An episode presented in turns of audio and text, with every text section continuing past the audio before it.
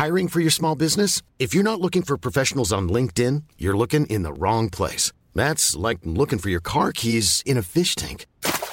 LinkedIn helps you hire professionals you can't find anywhere else, even those who aren't actively searching for a new job but might be open to the perfect role. In a given month, over 70% of LinkedIn users don't even visit other leading job sites. So start looking in the right place. With LinkedIn, you can hire professionals like a professional. Post your free job on linkedin.com slash people today. Burrow's furniture is built for the way you live. From ensuring easy assembly and disassembly to honoring highly requested new colors for their award-winning seating, they always have their customers in mind. Their modular seating is made out of durable materials to last and grow with you. And with Burrow, you always get fast, free shipping. Get up to 60% off during Burrow's Memorial Day sale at burrow.com slash ACAST. That's burrow.com slash ACAST. burrow.com slash ACAST. Since 2013, Bombas has donated over 100 million socks, underwear, and T-shirts to those facing homelessness. If we counted those on air, this ad would last over 1,157 days. But if we counted the time it takes to make a donation possible, it would take just a few clicks. Because every time you make a purchase, Bombas donates an item to someone who needs it. Go to bombas.com slash ACAST and use code ACAST for 20% off your first purchase. That's bombas.com slash ACAST, code ACAST.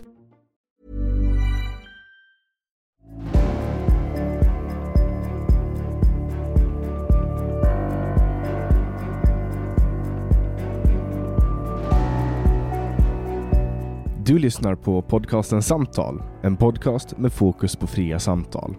Den här podcasten presenteras av tidningen Bulletin. Om du vill få tillgång till samtal sju dagar före alla andra så kan du gå in på www.bulletin.nu och bli prenumerant. Då får du också ta del av hela Bulletins premiumutbud. Kom ihåg att Bulletin också finns som app till både iOS och Android. Länkar hittar du i beskrivningen till det här avsnittet eller på min hemsida www.samtal.ax. Jag släpper nya samtal alla onsdagar året runt och jag tar tacksamt emot tips ifall det finns någon du vill höra i podden. Idén bakom podden är att fokusera på fria samtal. Jag tror att öppenhet är grunden för det demokratiska samtalet och jag vill uppmuntra dig som lyssnar att exponera dig för samtal med någon du inte håller med. Jag heter Jannik Svensson och du lyssnar på podcasten Samtal. Mattias Lindberg är debattör, krönikör och familjefar. Han twittrar under namnet Lindberg Polemik och är stående krönikör på Bulletin sedan lanseringen. Välkommen till podcasten Samtal Mattias Lindberg. Tack så mycket. Nu har jag fått kanske mm, höftar mellan 40 och 50, mellan 40 och 60 önskemål med dig. Har du det? Ja, vad roligt. folk, folk är nyfikna. Du har inte varit med i, har du varit med i någon podd överhuvudtaget? Eh, nej, jag har faktiskt inte det. Jag fick faktiskt en inbjudan en gång i tiden av Aron Flam som jag tackade ja till, men sen hände det grejer som gjorde att, att det inte blev av. Eh, det var, blev ju ganska rörigt på Bulletin där ett tag och så. Mm. Eh, annars så blev jag faktiskt... Eh, vi hade ett samtal på, på Riks också faktiskt med min kompis Isabelle. Så hon intervjuade mig i typ 10 minuter. Det är det enda jag varit med på egentligen kan man säga. Mm. Men eh, du är ganska stor på Twitter får man ändå säga. 18 000 följare, det är mycket på Twitter. Ja, precis. Svenska Twitter är väl inte så där jättestort. Så att 18 000, det, det är ju ändå ganska, ganska ordentligt där. För, för de som håller på med Instagram så kan man säga att 10 000 följare på Twitter motsvarar väl i makt kanske 100 000 följare på Instagram. Okej, okay, ja. jag skulle gissa på något sånt. Det, nu, nu drog jag den här siffran ur rumpan as we speak, men ja. jag tror ändå att det ger någon form av representation av, av vad, man, vad man uppnår. Uh, men vad har du för, alltså för, folk känner ju till dina texter. Du, du skriver texter med klassiskt borgerlig höger uh, debatt, kan man väl säga. Uh, men vad, vad har du för bakgrund? Liksom, vad jobbar du med på fritiden? Och så? Det, det är jag intresserad av. Ja, precis. Jag kan berätta lite grann då. Eh, jo, men jag eh, är ju eh, civilingenjör i teknisk fysik då. Så jag pluggade, jag är ju från Norrland, det kanske man hör på min dialekt direkt. Ja, det gör man. Varifrån i Norrland? Eh, jag är från Skellefteå faktiskt. Okej. Okay. Uppväxt, jag kan nämna lite kort där. Jag, en, jag uppväxt i en eh, stor familj där med sju barn faktiskt. Och det var väl, båda föräldrarna var akademiker och sådär. Eh, och eh, jag var vetenskapligt intresserad och eh, flyttade till Umeå då för att plugga helt enkelt. Och eh, efter civilingenjörsprogrammet då så flyttade jag ner till Stockholm. Och har jobbat inom, eh, jag blev mest intresserad av IT faktiskt och har jobbat inom IT under hela min karriär faktiskt. Ehm, så att det här med, med liksom skrivandet och twittrandet och så, det har kommit sen som en hobby kan man säga. Så jag jobbar inom eh, online-spel. Eh, så att jag, jag, programmerar och jag leder en, en grupp programmerare på jobbet.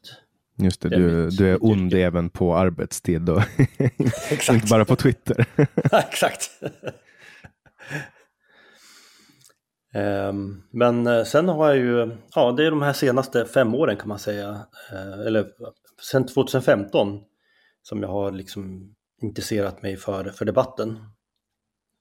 Så det, har, ja, det är en fritidssysselsättning som har blivit större och större för mig. Hur kom det sig att du började twittra då? För Twitter är ju ett ganska, det är ett segt medium, det är svårt att komma in i. Ja, precis. Alltså, det var ju liksom, före 2015 var jag ju liksom inte med i, intresserad av politiken eller debatten överhuvudtaget, utan då hade man ju haft ja, man hade försökt få igång en jobbkarriär, man hade gift sig, skaffat barn och var ju fullt uppe i småbarnslivet kan man säga. Men i sam det var väl några år innan 2015 så, så flyttade jag ut från innerstaden i Stockholm till förorten och det blev lite grann av en väckarklocka för mig när jag var jag flyttade till en, en förort ganska nära Tensta kan man säga. Och eh, så jag, jag var pappaledig några månader och sådär med de små barnen. Tog med dem till eh, öppna förskolan i Tensta till exempel och fick insyn till, man träffade mammor som, som hade bott väldigt länge i Sverige, kanske 20 år och inte pratade ett ord svenska egentligen och sådär. Så det blev ett uppvaknande jämfört med när man bodde inne i stan och bara såg välintegrerade arbetskraftsinvandrare, IT-ingenjörer från Indien eller Pakistan eller eh, liknande eller från Ryssland och, och, helt plötsligt så kommer man ut i förorten och inser att det man har sett inne i Stockholm i, eh, inom IT dessutom eh, är något helt annorlunda. Eh, så man, det blev en ögonöppnare både vad gäller hur arbetskraft eh, integra, eller hur, hur integrationen fungerar liksom på arbetsmarknaden men också en ögon, ögonöppnare kanske vad gäller stöket som man såg ute i förorterna. Att eh, ja, det gick, in, det gick inte alltid lugnt till och sådär på kvällstid beroende på vad, exakt var man rörde sig. Så det blev en, en ögonöppnare och sen kom ju också den här flyktingkrisen 2015 då. Och på grund av att jag hade fått upp ögonen för att det här, det här funkar kanske inte så bra som, som media hade rapporterat. Så tänkte jag att jag som ja, familjefar och vetenskapligt intresserad borde ändå försöka sätta mig in i vad det här kommer att innebära för landet med, med att det skulle komma. Det kom ju som mest 10 000 om dagen rapporterades det. Det kom ju totalt 160 000 2015. Så jag tänkte att jag är väl en lämplig person att faktiskt försöka läsa in mig på vad innebär det här vad gäller migrationens kostnader, vad innebär det egentligen för brottsutvecklingen? Så jag var, stämmer det verkligen det här som media, den bild som media gav att det här var lönsamt? Det var väldigt svårt att föreställa sig rent intuitivt att det skulle kunna vara lönsamt när det var så hög arbetslöshet samtidigt. Och när man såg så pass mycket stök och hörde om så pass mycket våld. Skulle, alltså kan det verkligen stämma att, att, vi bli, att det blir tryggare och tryggare och att den här migrationen är lönsam? Så jag tänkte att, att hur sätter jag min idé? Och, och jag hade på något sätt fått för mig att Twitter var ett bra medium för att göra det. Att det var liksom en mer seriös debatt. Det var många politiker och mycket vetenskapsmän som höll till på Twitter och det tycker jag stämmer. Det var också, tyckte jag, det blev bekräftat för mig när jag gav mig in på Twitter. Att där, det var många som pratade politik och det var många som pratade flyktingkrisen och så. Och där kom jag ju också i kontakt med den motbilden mot media. Att, med, att eh, det här med kostnaden för migrationen var ju, visade sig ju då till exempel, en som opinionsbildade om det här var ju Tino Sanandaji. Mm. Honom eh, känner vi ju till. honom känner vi ju till. Och, och, han delade ju och skrev om vad den akademiska forskningen hade kommit, till, kommit fram till vad gäller migrationens kostnader. Eh, Jan Ekberg och så vidare och, och hade ju forskat om det här och man hade ju vetat sedan länge att, att eh, kostnaden vände där på 90-talet, att det var lönsamt fram till 1990 ungefär, men sen vände det och blev en kostnad och hade varit det i flera decennier vid det här laget, 25 år. Och en... Så att det blev en ögonöppnare att, att det, det här var ju då, man kunde nästan tro att det här var en slags konspirationsteori först. Att, att media vilseförde om, om kostnaderna och om brottsligheten. Men nu fick jag ju en del av det bekräftat då att ja, men forskarna de är tvärtom eniga om att det faktiskt kostar pengar. Det blev en ordentlig ögonöppnare och sen, jag har faktiskt... Men alltså bara... trodde du innan att det inte kostade, alltså att det var lönsamt liksom? Nej, alltså jag trodde ju inte det, men det var ju den bilden som gavs. Alltså det pumpades ut. Jag vet inte om du För ju den svenska debatten. Alltså det, det, finns ju fortfarande de som säger att men det, det här lönar sig, det här är lönsamt. Det finns sådana som gör det, ja, men, men, men, på den tiden var det ju liksom ett kompakt propaganda. Eh, från, alltså det fanns ju de här tankesmedjorna, Arena Idé till exempel. Den här Skocko, ekonomen till exempel de producerade ju liksom egenhändigt skrivna rapporter som inte alltså var egentligen akademisk status på. Ja, alltså Sandro Utan... Scocco, han är, ju, han är ju numera Vänsterpartiets chefsekonom. Ja. Uh, och han, det är väl han som lär bli första uh, ekonomisk planerare sen när, när Vänsterpartiet gör statskupp. Ja. men, men, han har ju låtsas vara en expert hur länge som helst och liksom gömt för befolkningen att han är en kommunist. Ja, men han, han skrev ju en rapport där och det var ju fler rapporter. Det var ju Sandviken-rapporten som, som eh, berättade om hur, vilka stora pengar som Sandviken skulle tjäna och sådär. Så att den, den, bilden som gavs i media, i Sverige i alla fall, var ju kompakt att det var väldigt lönsamt. Eh, så det, det var ju liksom, det kändes ju som att man, man tog liksom, att man, att, att man ens vågade tänka som vanlig, vanlig, vanlig person att det skulle kunna vara fel. Det kändes ju som någon slags konspirationsteori, att man konspirerar mot etablissemanget.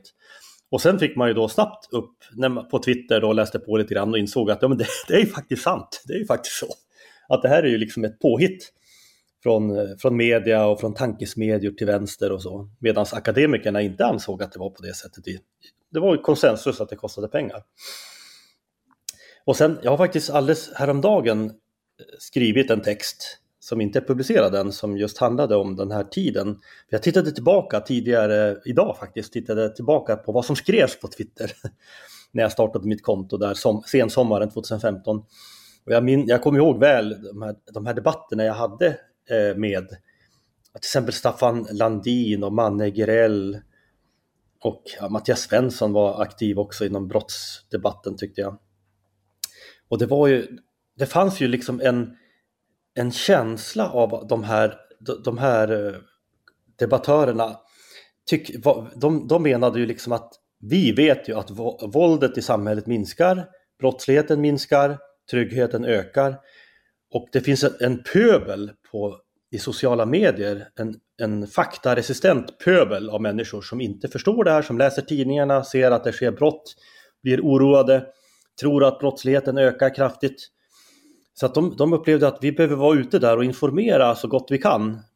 Och de var liksom trötta på att höra om alla som var oroade över brottsligheten. Eh, och de ansåg sig ha helt säkra bevis på att det var tvärtom, att det blev tryggare och tryggare. Eh, och, och, de beundrade sig själva för att de hade sån tålamod med alla dessa stackars människor som var ute och trodde att brottsligheten ökade. Eh, så det är ganska roligt att se på den nu i efterhand över, över den här tonen, över den här självsäkra tonen de hade. Eh, ja, som Magnus Betnérs film eh, Sverige har aldrig varit tryggare åldrades inte väl. och i och för sig så det där, den där debatten var ju svårare tyckte jag. Det, var, det här med ekonomin, det var ju helt uppenbart direkt att det fanns en massa kraftiga belägg för att migrationen faktiskt kostade pengar. Däremot vad gäller brottsutvecklingen, att, att den faktiskt påverkades av migrationen, vilket var vanligt folks uppfattning. Och att det till och med fanns liksom grövre och grövre inslag. Man lä läste om värre och värre saker i, i tidningarna, sånt som man inte hade upplevt som barn. Med skjutningar, sprängningar och, och liksom hänsynslöst våld på ett helt annat sätt än det man minns själv från barn. När man, och vi låste inte ens dörren som barn. Alltså i mitt hus, mina föräldrar, de, det, var, det var olåst. Eh, så det var ju en helt annan upplevelse som i den vuxna, alltså som vuxen då, hur man upplevde situationen hade blivit. Och eh, där fanns ju då det här, det de hela tiden hänvisade till alla de här vänsterdebattörerna, eller vad man ska kalla dem, kriminologer, journalister, politiker. Det var ju att det dödliga våldet faktiskt hade toppat 1990, eller 89 och 91 var väl de toppåren där, där det dödliga våldet var som störst. Och sen hade det gått ner lite grann, ganska mycket under 90-talet och varit på en, en klart lägre nivå under 2000 och så vidare. Och det var ju det här de hänvisade till hela tiden och sa att men folk fattar inte att, att, att mord, det är den största, bästa indikatorn på våldet i samhället. För att om, om, och det är det all vi har koll på, vi vet precis vilka som har mördats och alla mord utreds väldigt väl. Och vi vet att det har minskat och alltså har troligen allt annat våld också minskat, misshandel och så vidare. Eh, så det var ju liksom, det, det blev ju... det, det insåg jag då när jag började den debatten att här finns det ju liksom, de har ett, de har rätt i det. Det stämmer att det, det, morden minskar faktiskt. Men sen när jag läste på mer om det här då och kom in mer i debatten, då insåg jag att det fanns ju en motbild också där, där man till exempel menade att med mobiltelefonens införande så ble, och, och liksom te teknologiska förbättringar så blev det en snabbare vård och bättre vård som också borde ha minskat an, liksom, vilka som faktiskt dog. Så att det borde vara så helt enkelt att, att våldet kan i princip öka i samhället men det är färre som dör ändå på grund av att folk ringer eh, till ambulansen snabbare och att de faktiskt får bättre vård när de väl kommer in till sjukhuset. Eh, men, men visst, visst stämmer det så också att, att Medelsvensson hade ju blivit mindre våldsam Eh, det, det, det, har ju skett liksom en förändring. I ett, vi har ju blivit ett, mer av ett antivåldssamhälle, Medelsvensson.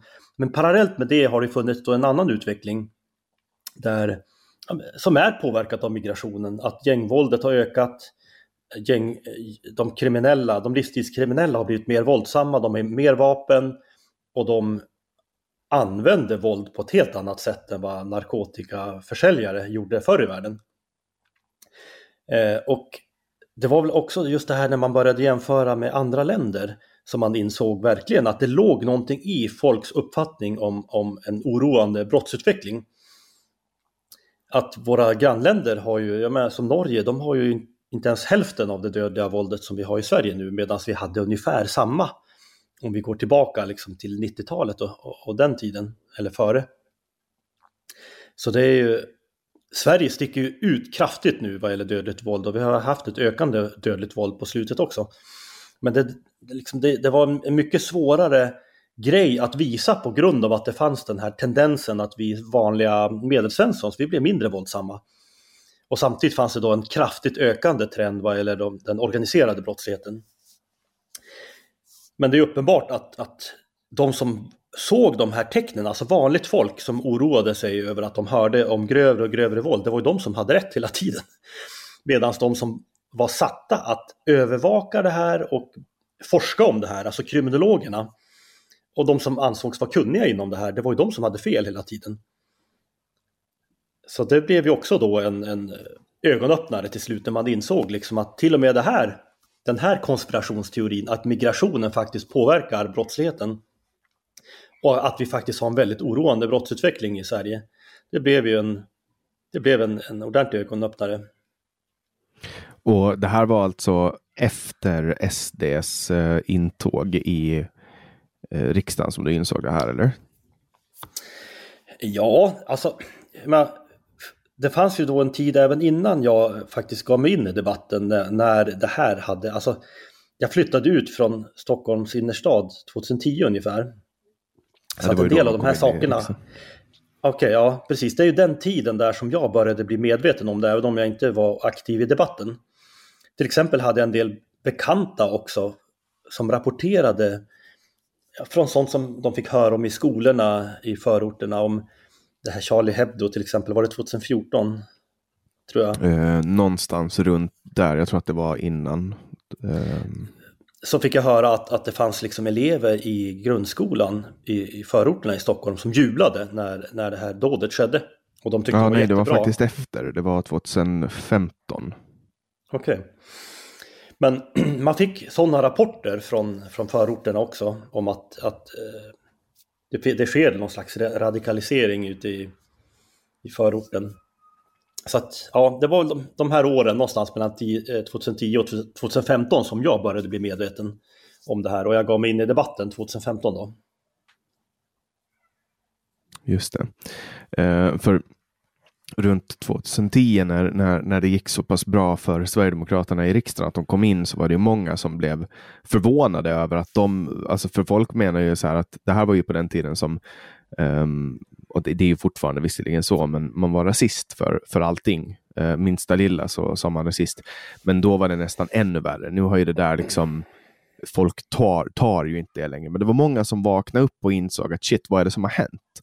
Eh, vi måste ha gjort någonting fel. Eh, men istället för att reagera som att okej, okay, men kanske det de här säger, Sverigedemokraterna säger, kanske, kanske vi gör någonting åt det.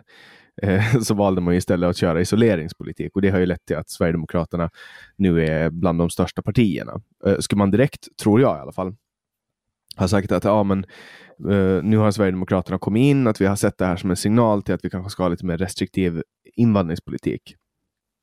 Då skulle inte de ha fått eh, fotfäste. Så är det naturligtvis.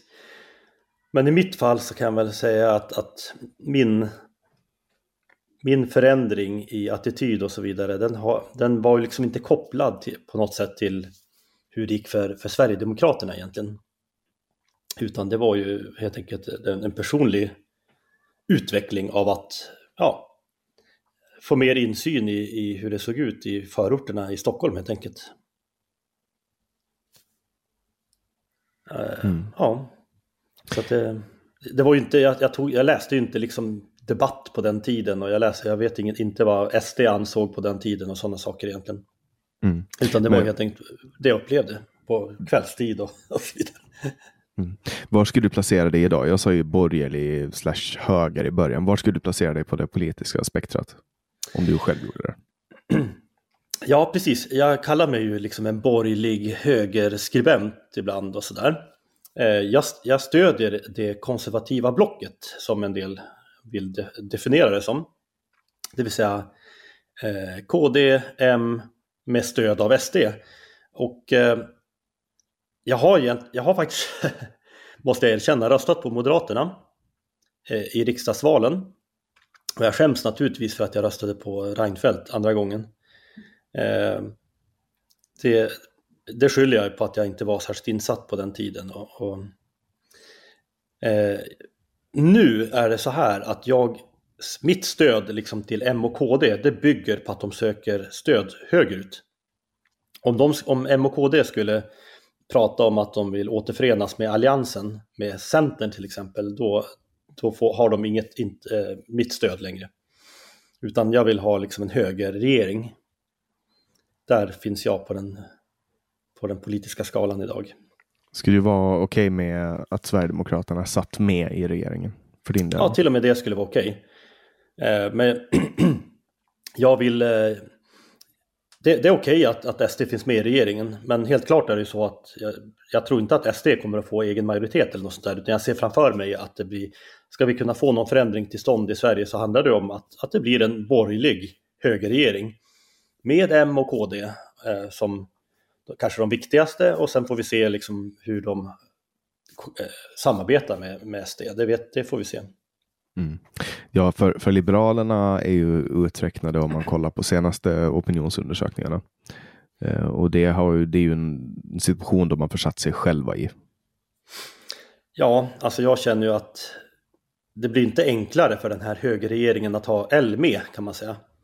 Men eh, de sitter ju Liberalerna sitter ju på ett antal procent av eh, rösterna. Mm, att, för då kommer de eh, under 4 spärren. eh, då blir ju alla deras, då blir mandaten utfördelade liksom. Ja.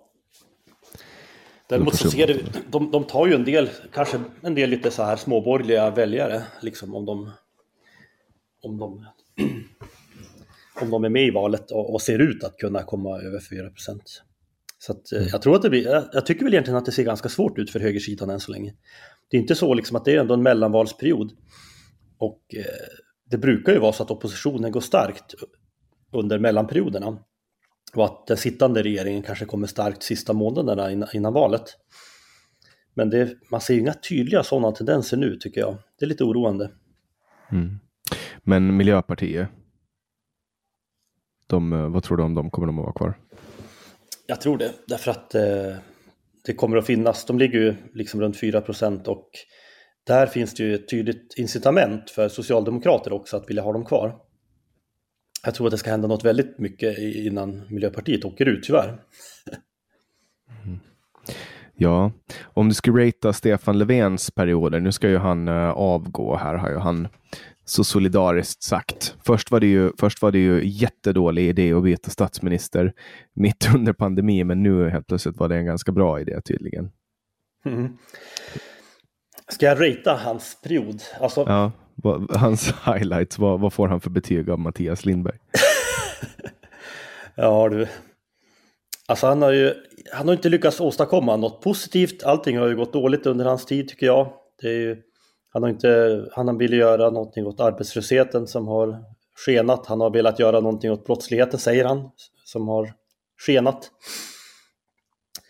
Eh, ska du ha liksom en siffra på 1 till 10 Alltså det är ju någonstans där i de här lägre skalorna vi pratar om, liksom 1 till 3.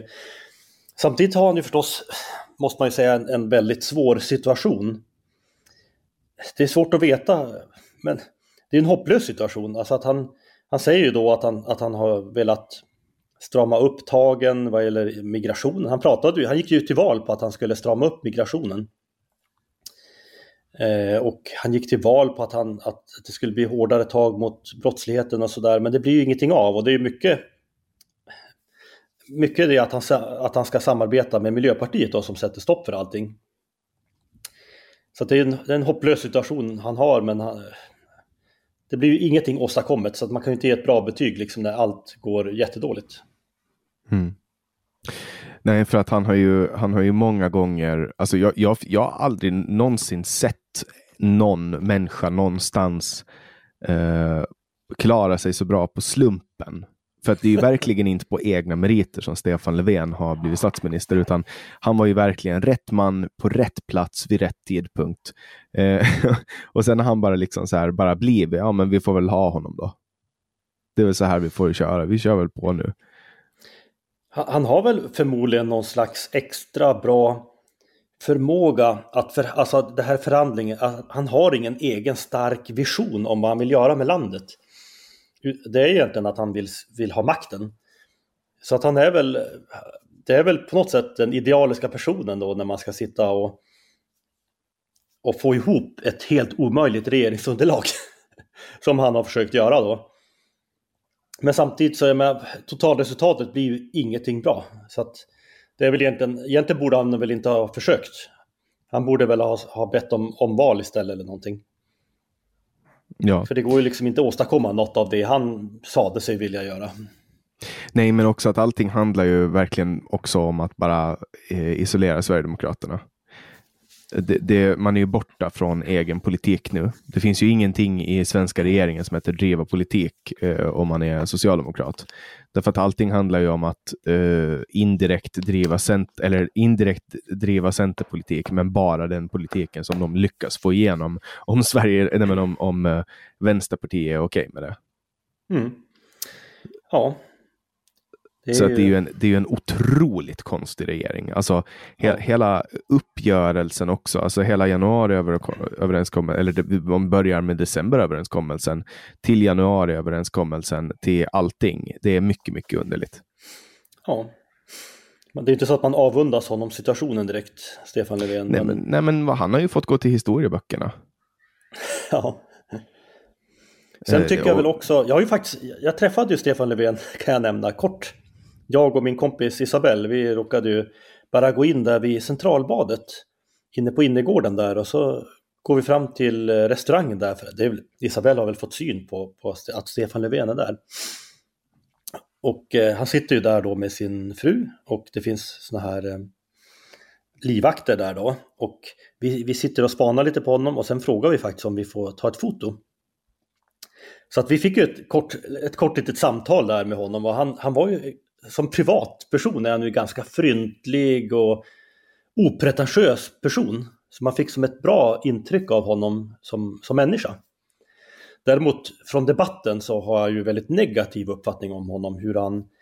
Jag upplever honom som väldigt oärlig faktiskt. Mm. Jag har ju också hur... träffat honom vid ett tillfälle. Då var han ganska var ny som statsminister. Det här var alltså, kan det vara i november 2015 på Nordiska rådets session i Reykjavik.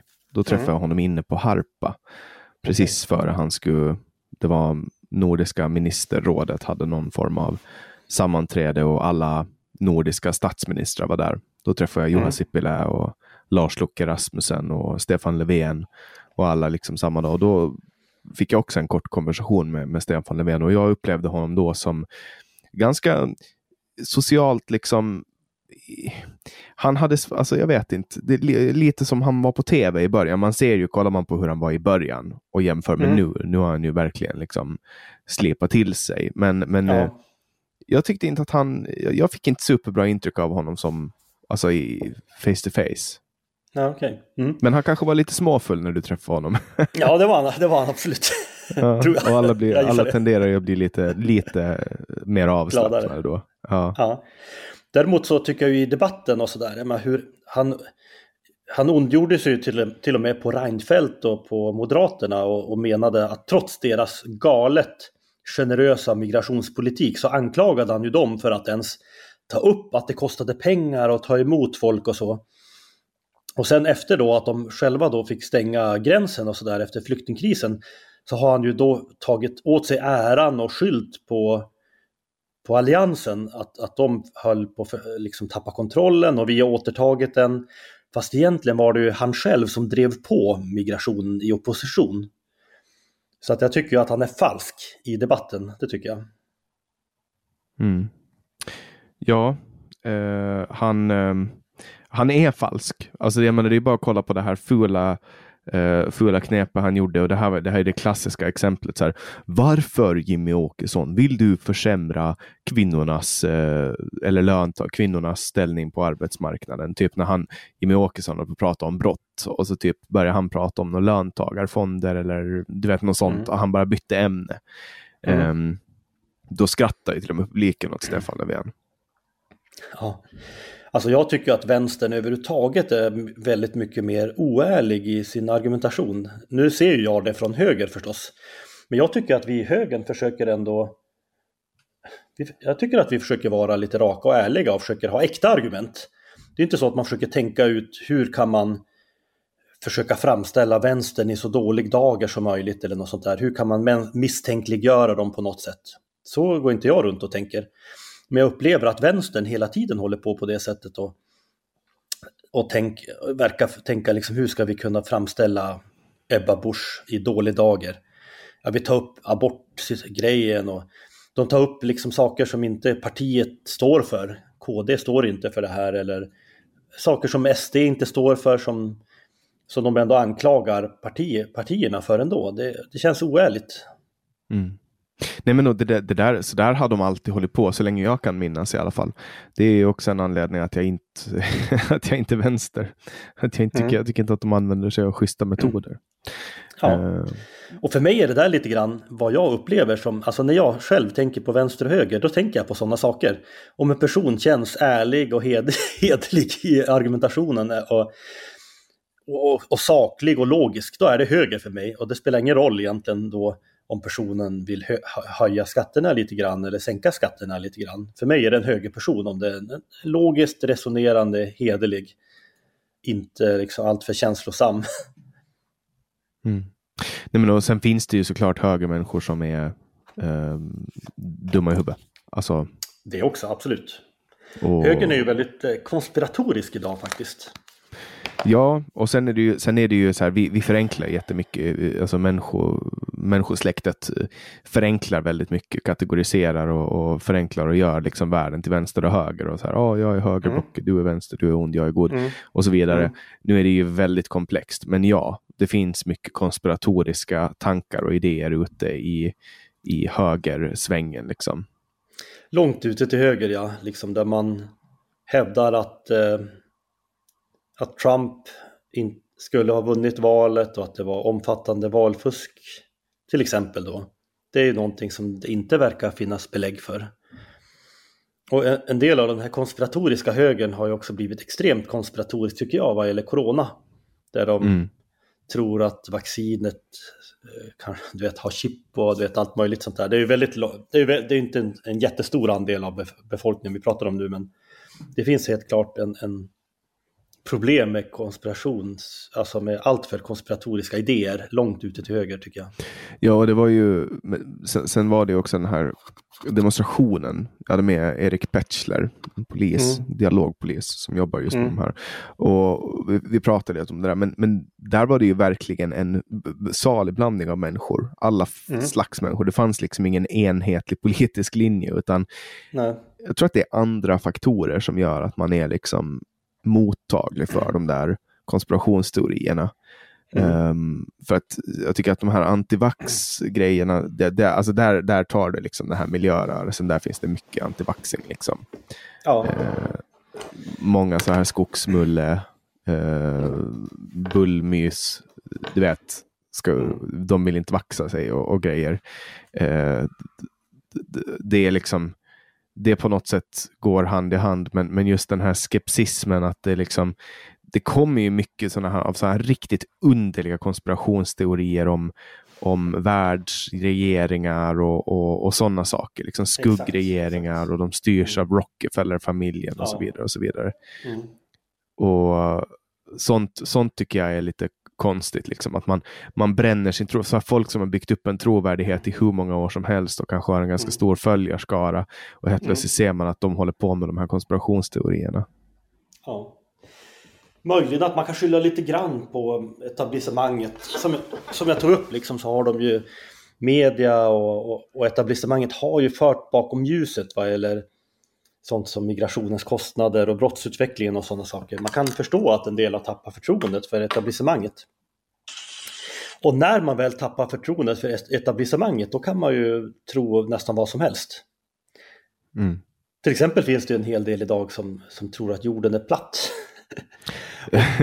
och, och det, är en liksom, väldigt liten skala hoppas jag. Exakt, det är en väldigt liten skala. Och jag, men jag liksom ibland, jag har till och med pratat med, med någon sån person och jag inser liksom, det man inser liksom att det här är liksom inte så här saker som är så här superlätt för en vanlig människa att själv kunna bevisa att jorden är rund om de inte tror på forskare och, såna, och NASA och sådana som har, tar bilder uppifrån rymden och sådana saker. Om man tappar förtroendet fullständigt för etablissemanget då kan det ju bli vilka konstigheter som helst. Alltså man kan ju testa, nej men nu kanske, nu har ju inte alla tillgång till en båt men man får ju tänka på det där om man ska färdas över en väldigt mm. lång sträcka med båt. Mm. Då märker man att jorden är rund. Precis, men alla har en... inte tillgång till båt och, och sådana mm. saker. Alla kan inte färdas lång sträcka. Och, ja, precis. Flyg. jag, försökte, jag, jag hade en, en, person jag försökte tipsa om. Ja, men det finns ju sådana här livecams från Sydney. Och, och, det finns livecams i Stockholm. Och då kan man se att det är mörkt i Sydney och inte i, i Stockholm. Men ja, du vet, tappar man förtroendet för etablissemanget och då tror man ju, ja, man kan uppenbarligen tro på, på allt möjligt. Att, ja, då, då, då tror man ju att det finns en massa folk som försöker föra en bakom ljuset. Ja, det är en, det är en lustig företeelse det där. Ja, det är, lite, det är faktiskt lite spännande att, att eh, det finns folk som tror på det där för att eh, alltså någonstans så måste det vara, men jag tänker att det måste ju vara någon, någonstans som förtroendet till samhället i stort brister innan det kommer så långt att man börjar hänge sig till de här teorierna. Ja.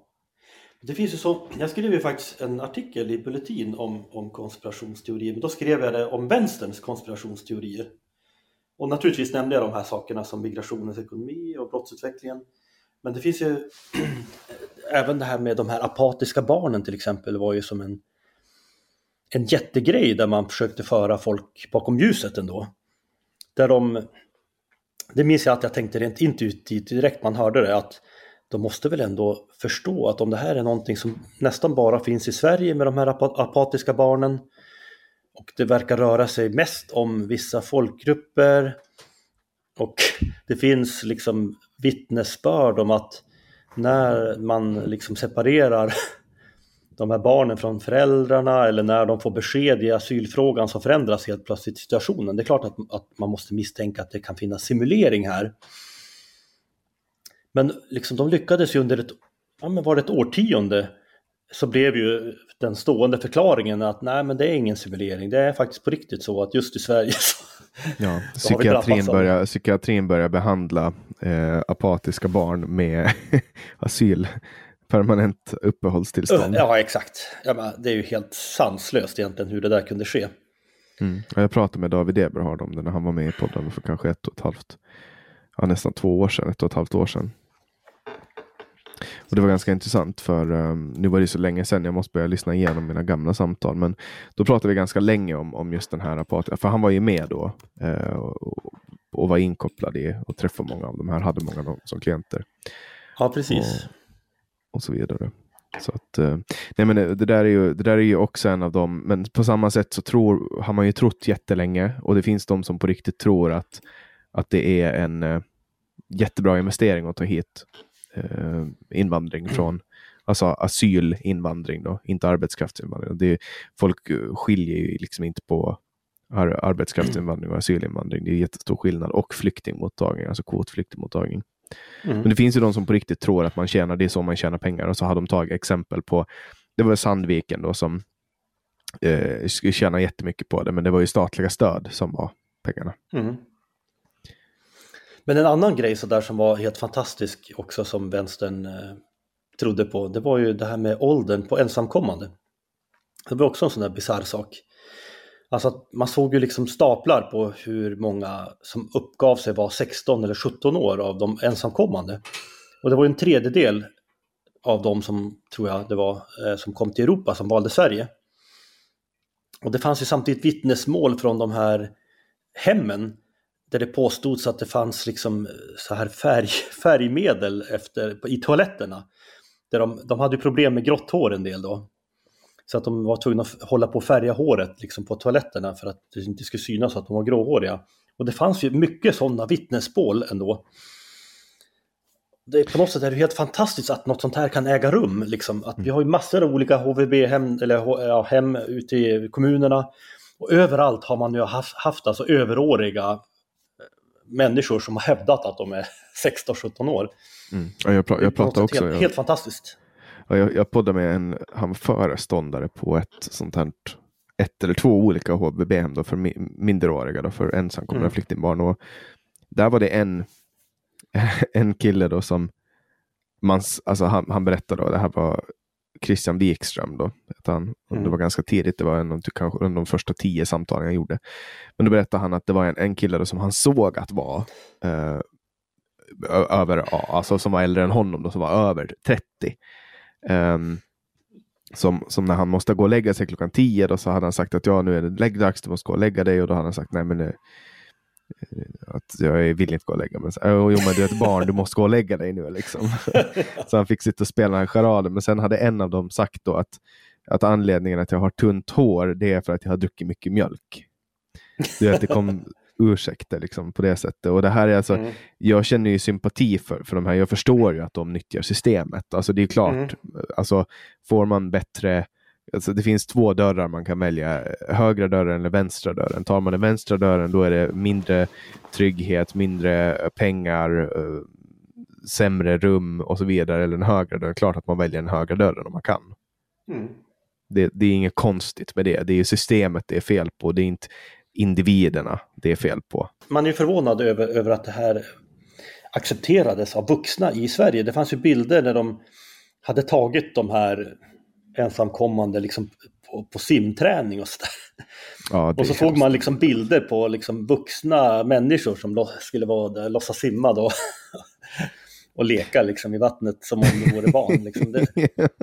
och så är det någon vuxen som håller i. Det finns en ja, bild exakt. på det som, som stor... DN publicerar. Ja. ja, exakt. Och, det är det, fantastiskt det... att det hände det här i Sverige ändå.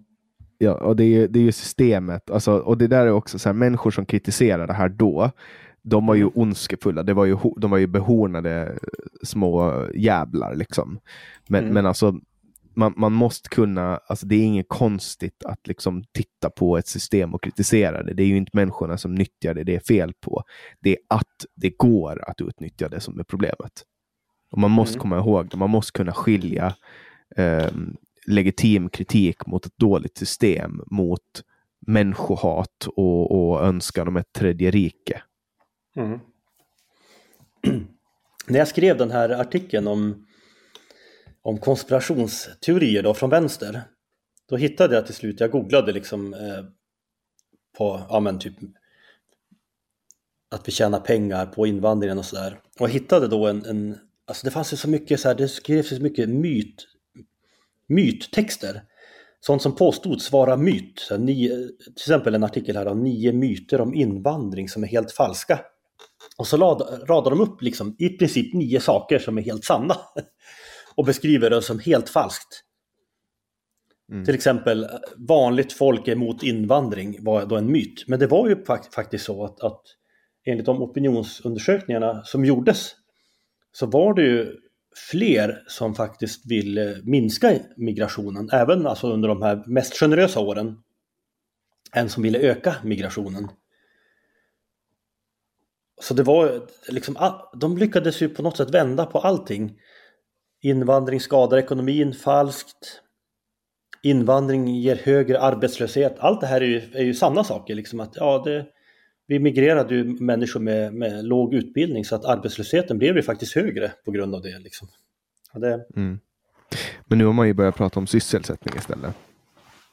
Och det är ju smidigt. Det var ju som när eh, sossarna, och sen var det Magdalena Andersson som pratade om arbetskraftsutbud istället för arbetslöshet. Ja. Alltså de, det är klart att de försöker vara lite kreativa i retoriken. Liksom. Ja, men det där är ju så skam, det är, så, det är helt skamlöst. Ja. Alltså det, det, för att det där är ju verkligen liksom att arbeta, jobba med ord för att bygga upp en alternativ verklighet samtidigt som man mm. står och kritiserar folk för att sprida fake news. Ja, jag tycker väl Liberalerna gjorde väl också lite samma sak. Alltså innan, de, innan Alliansen tog makten så tog ju de upp det här med utanförskapsområden. Så de hittade ju någon definition då, vad är ett utanförskapsområde? Och kunde visa liksom att det, enligt den här definitionen de hade kommit fram till, så ökade det eh, från noll till väldigt många. Jag kommer inte ihåg hur många det var. Men det, jag tror att det var ganska många, för det var inte liksom bara de här utsatta områdena, utan jag tror att de kom fram till att det var hundra stycken som hade kommit. Liksom det var en stor andel som inte röstade, en stor andel arbetslösa och så vidare. Men sen så fort Alliansen kom till makten så ville de ju också smussla undan det här, för det hände ju ingenting. Det blev ju fler utanförskapsområden även under Alliansen. Så att jag tyckte nog liksom att den alliansregeringen var ju också lite fuskig, men de var ju också lite, lite vänster faktiskt. Var de inte det? Uh, alltså det ja. var, de, de hade ju drivit till vänster lite grann. Alltså, ja, alltså, det var ju en del av det Reinfeldt gjorde. Han ville bli, Reinfeldt ville ju liksom göra politiken relevant för en större mängd människor.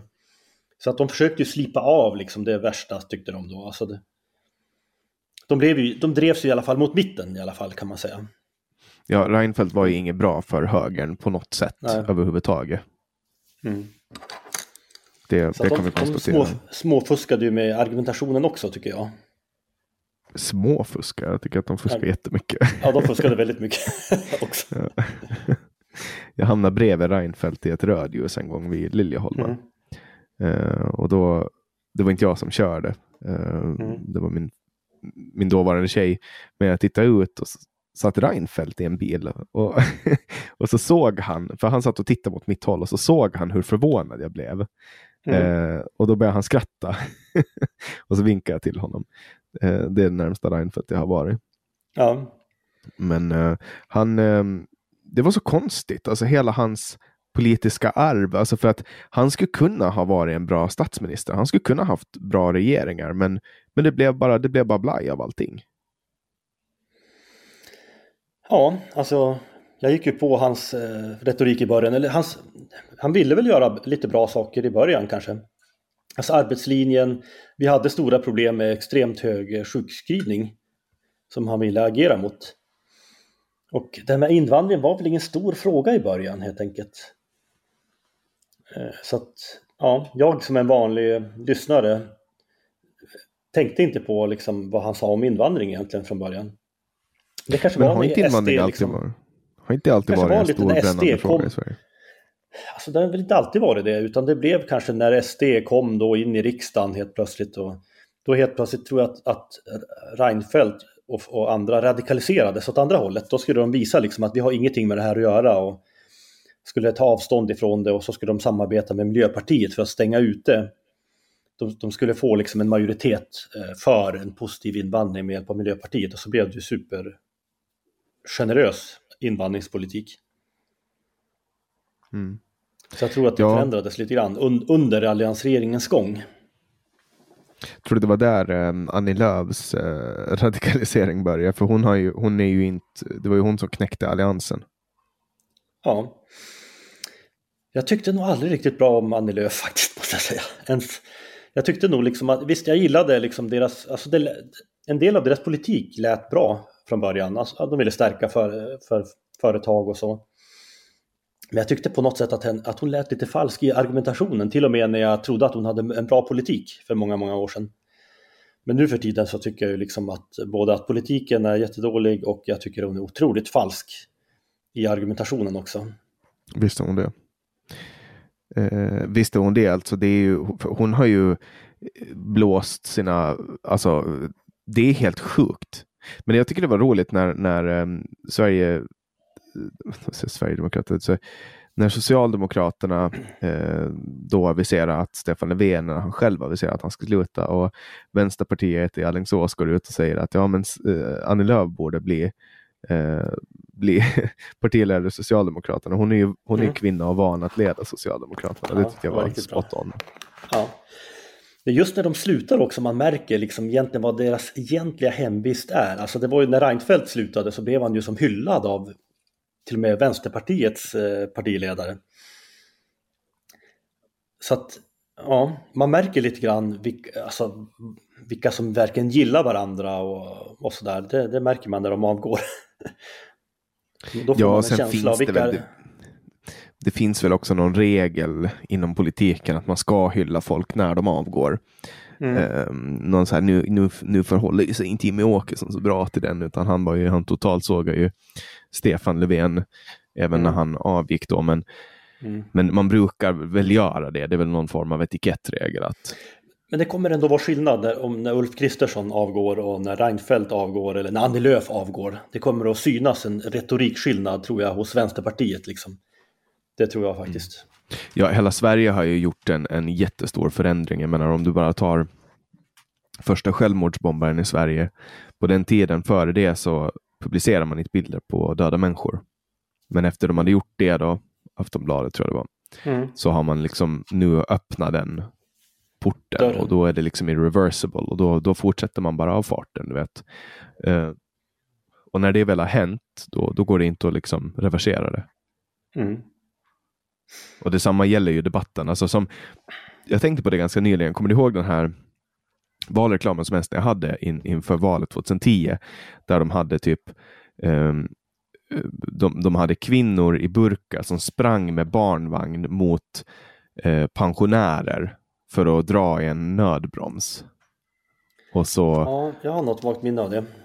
Eh, och den fick de ju ta bort. Men mm. det var ju liksom så här på, på den tiden. Det var alltså det var jättegrovt kan man säga, alltså, med hur, mm. hur de liksom marknadsförde sig.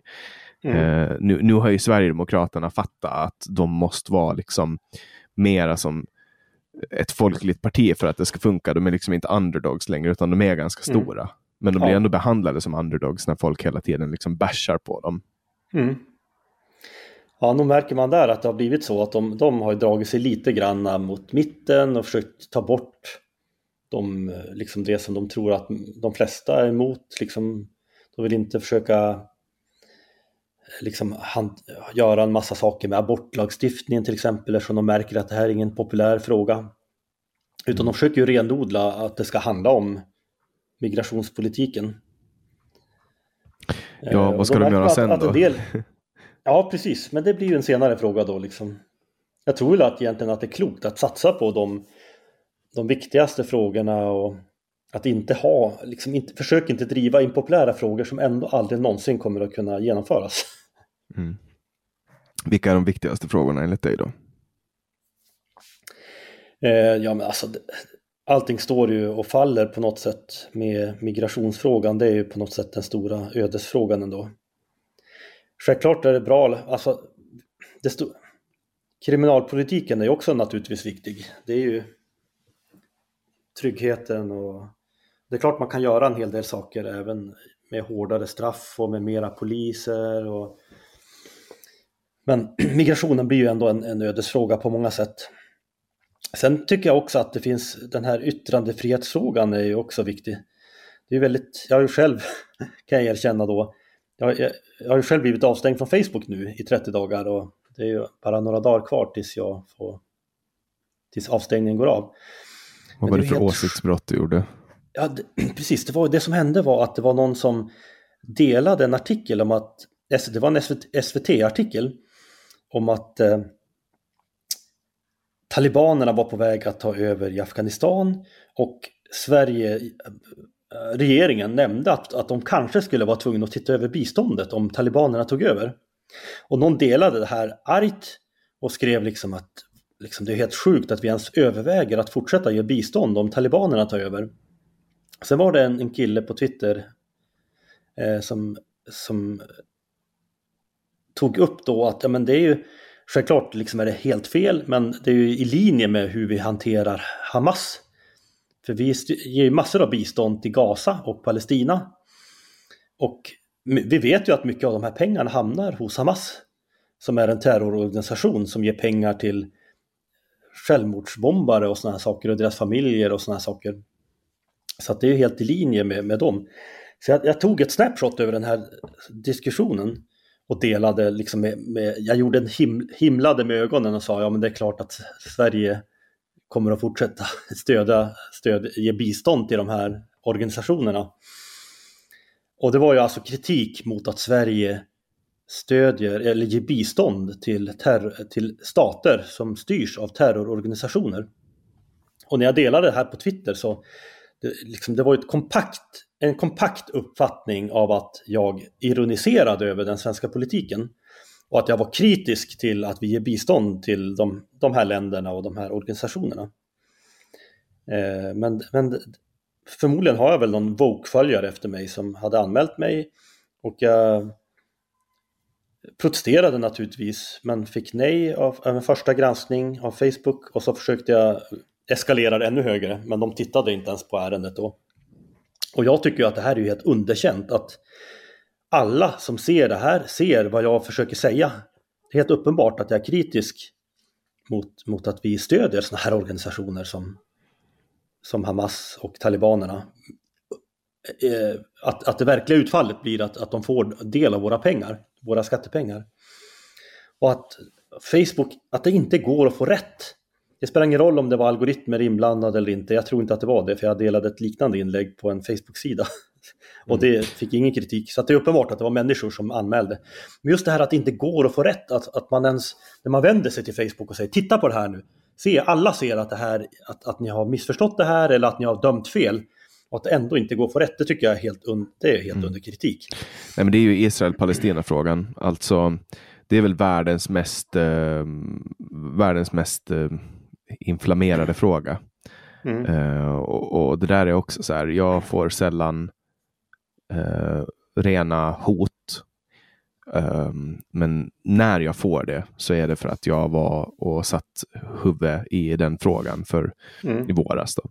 Jag fick mm. i helgen fick jag ett uh, i princip rakt ut ett, ett hot. Mm. Um, för att jag debatterade den här frågan med Henrik Johansson från Haveristerna.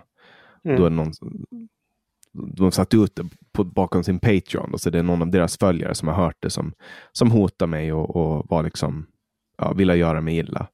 Mm. Um, och, och, det är den frågan. Och, sällan, alltså, och då har jag ändå varit ganska, alltså, stuckit ut huvudet ganska mycket i olika sammanhang. Och, och, då är det här den frågan som, som dras med mest. Så ur, egen erfarenhet vet jag det.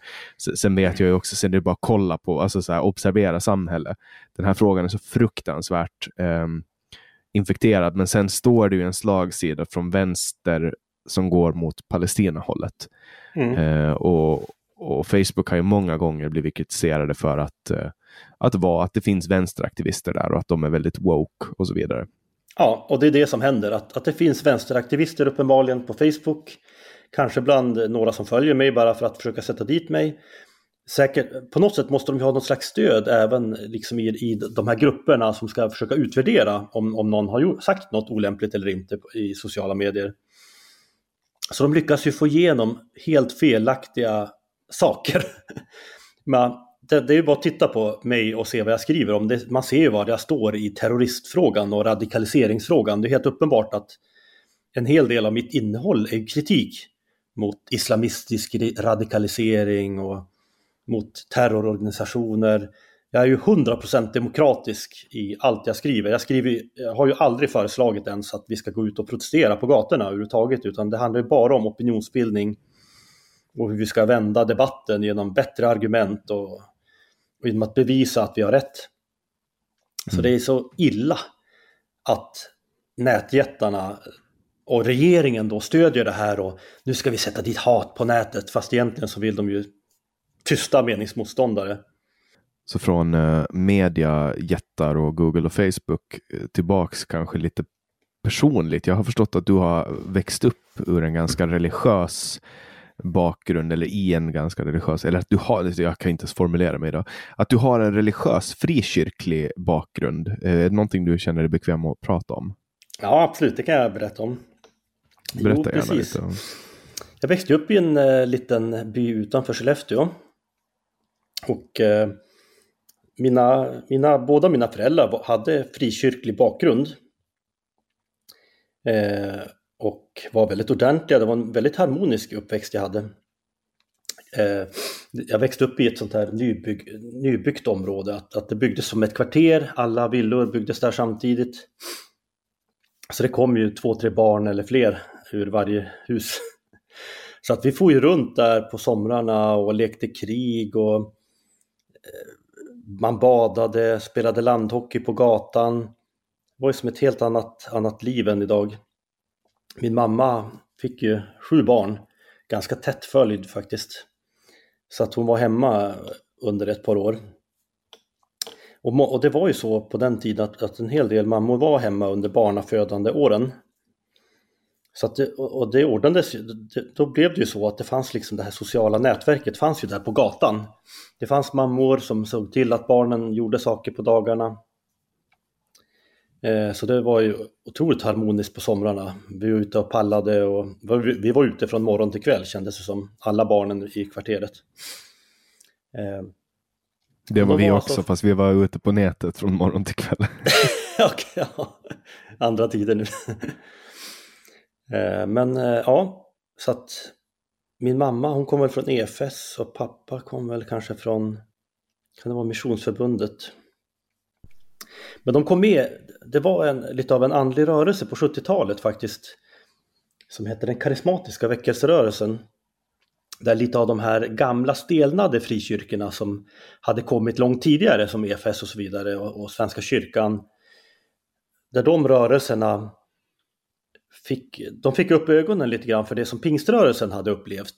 lite amerikanisering typ ja, amerikanisering vet jag inte, men liksom de fick upp ögonen för det här övernaturliga i, som, i apostlagärningarna. I, där, som apostlarna, att de gick runt och bad för sjuka och de blev friska och de, de, anden föll över dem och de talade tungor och de fick profetiska budskap och sådana saker. Det blev liksom en slags, ska vi kalla det förnyelse, i de här eh, i, i, i några av de här lite stelnade väckelserörelserna katolska kyrkan också inblandat där, att, att en del eh, präster och, och så vidare eh, blev eh, andedöpta och började be för sjuka och sådana saker. Och mina föräldrar kom väl med i den vevan lite grann och, och blev ja, men lite åt det fundamentalistiska bibeltrogna hållet. Eh, och, och, ja, vet, de läste barnens bibel för oss som små. De bad kvällarna för oss och med oss. Sjöng andliga sånger innan man la sig och sådär. Mörda barnflickor, nej men fick barnflickorna att mörda åt en Eh, vad sa du? Jag drog en Knutby-parallell nu. Ja, okej. Okay. Nej, de var inte alls. Alltså de kommer dessutom från du vet, EFS och det är, ju, det är ju en helt annan stabilitet jämfört med kanske från Knutby, Philadelphia. Alltså li, Livets Ord och så där är ju en helt annan grej på något sätt. När, när barn växer upp i det här blir det annorlunda. Det blev annorlunda för mig som växte upp då i... För de, för de har ju växt upp i nästan pietistiska miljöer där man, man skulle inte spela kort, man skulle inte dricka, man skulle inte dansa. De kommer från den världen. Men för mig då som växte upp i ett sånt liksom religiö- ännu mera kanske eh, fundamentalistiskt hem då ändå. När de hade liksom blivit ännu mer seriösa och, och, fundamentalistiska.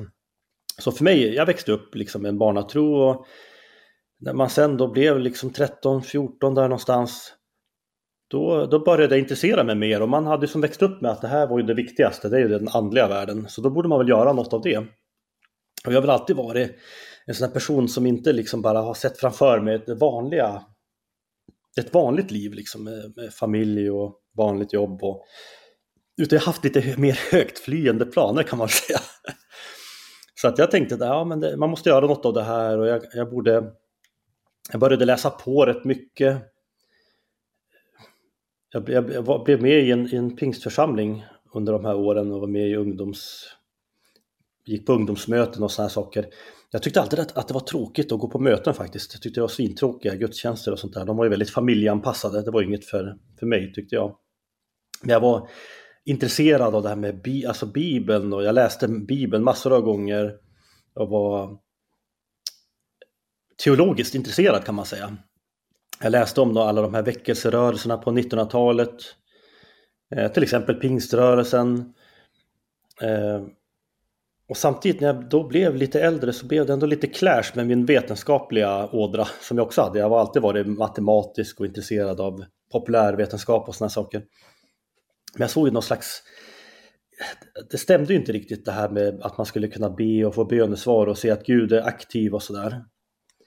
Och den vanliga klassiska förklaringen i, hos kristna i Sverige det är, det är att ja, men vi i Sverige vi är så pass sekulära och vi, vi har växt upp i det här vetenskapliga samhället så vi har svårt att tro. Och det står ju så i Bibeln liksom att om du tror kan du förflytta berg. Och, så att man tänkte liksom att vi har svårt att tro så det sker inte så mycket här. Men man trodde, och jag trodde, på allt det här som berättades från väckelseplatserna. Missionärer som var i Afrika och bad för sjuka och i USA händer ju, där är det ju, rapporteras det ju om massor och helande väckelsen på 50-talet och tros, framgångsteologin, trosrörelsen kommer ju också därifrån. The Faith Movement. Hur de eh, ska kunna nå framgång och, och bönesvar och helande och sånt genom tro och bön och sånt. Så jag var inne på den här svängen och det här är nästan lite Ulf Ekman-stuk på det hela. Om du känner till Ulf Ekman från Livs Ord. Ja, han var, eh. väl, var inte han tv-pastor? Han var ju som en sån där tv-pastor. Men just där då när jag, bör, jag började tvivla lite grann och, och, tänkte liksom att jag måste nog åka och se själv med egna ögon lite grann vad som sker på platser där det rapporteras mycket om, om helande och sånt. Till exempel kom ju skrattväckelsen den här tiden. Att man fylldes av anden och skrattade istället för andra uttryck för anden. Och när jag såg det här på nära håll så tyckte jag att det här ser inte äkta ut liksom jag var ju äkthetssökande även då, liksom att jag vill inte tro på någonting som inte är sant. Men jag åkte på några resor blev det faktiskt. Till exempel så var det så att när, när eh, perestrojka kom till i Ryssland där så man, de hade inte fått ha biblar och sånt där. Det var liksom, de var förtryckta, de troende kristna i, i Ryssland. Så att det blev som en, en väckelse i, i en del områden i Ryssland. Och pingströrelsen i Sverige och andra rörelser de eh, försökte hjälpa till med att sprida biblar och, och förkunna. Så jag följde med på en sån resa faktiskt till eh, Murmansk. och, och det bads för sjuka där. Och, men jag tyckte det var exakt samma sak som i Sverige, hur, hur de knuffar omkull folk med händerna. Och hur de tar fram någon som ska säger sig gå lite dåligt och så ber de och sen frågar de hur känns det nu att gå? Ja, nu känns det lite bättre och så haltar de lite, lite mindre, lite smidigare tillbaka till sin plats. Kändes väldigt oäkta och inbillat och vilja tro mera än att det hände någonting. Eh, jag åkte till Livets Ord också en vecka för att se om det hände någonting där.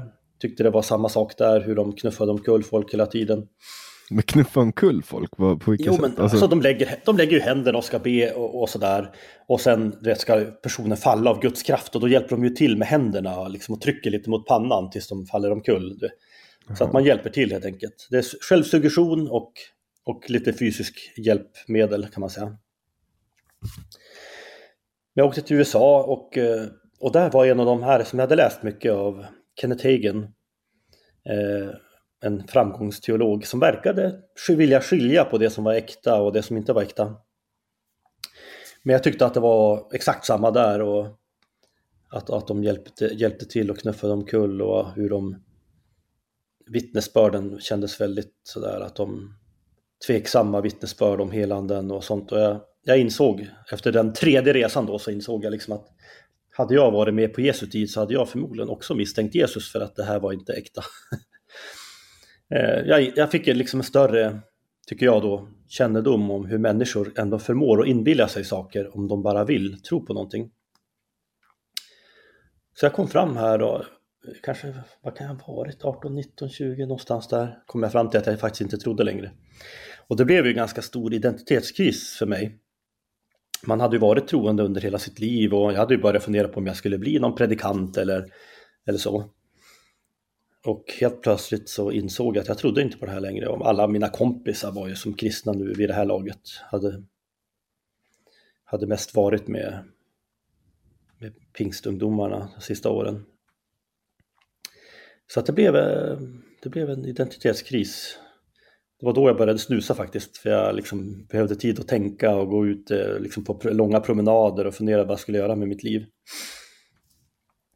Och bara något år eller två dessförinnan hade jag även avslutat min hockeykarriär.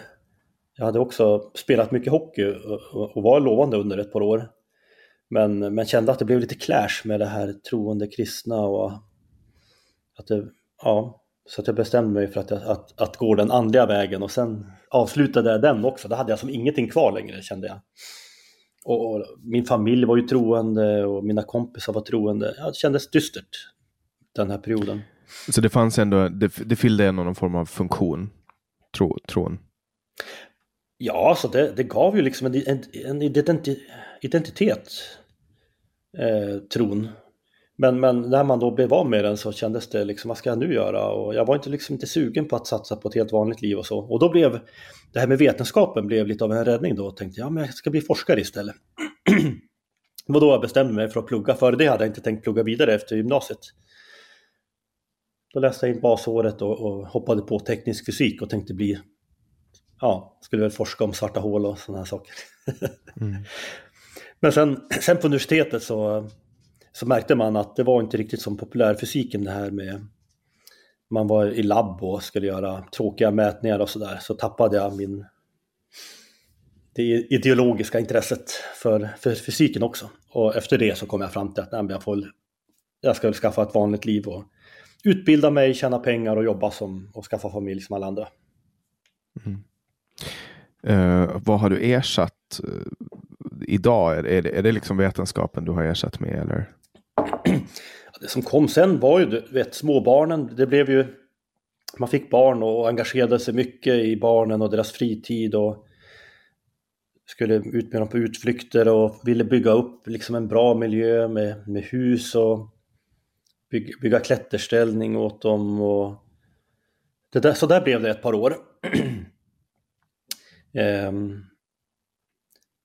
och eh, idag så, så är det väl, sen blev det, det blev ett par år där man var man var, ville bygga, bland annat minns jag att jag skulle bygga ett plank då när jag var villaägare. Och byggnadsnämnden tyckte inte det. Och det blev liksom kanske två år av att försöka vinna över byggnadsnämnden så att, att jag skulle få bygga det här planket. Så jag blev lite av en expert på alla regler som gällde plank. och jag räknade ut exakt hur mycket det skulle sänka bullret. Jag var ju teoretisk fysiker. Så jag kunde liksom räkna ut med formler hur det skulle se ut. Och överklagade och vann. Det kändes som en stor seger.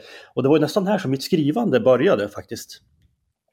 Alla dessa, man började skriva brev till byggnadsnämnden och argumentera. Och jag hade ju alltid i och för sig fått höra att jag var duktig på att argumentera. Det fick jag höra redan i, i högstadiet, i klassen, när de, de gillade att försöka blanda in mig i samhällsdiskussioner, lärarna. För att de visste att, att jag kunde argumentera från, för, liksom för vad som helst, bara de satte igång. Du fick igång de andra med dina positiva ja. åsikter. Exakt. Och jag valde alltid, i svenska uppsatserna på gymnasiet så valde jag alltid försöka hitta argumenterande eller sådana saker. Jag gillade liksom inte att skriva fiction riktigt.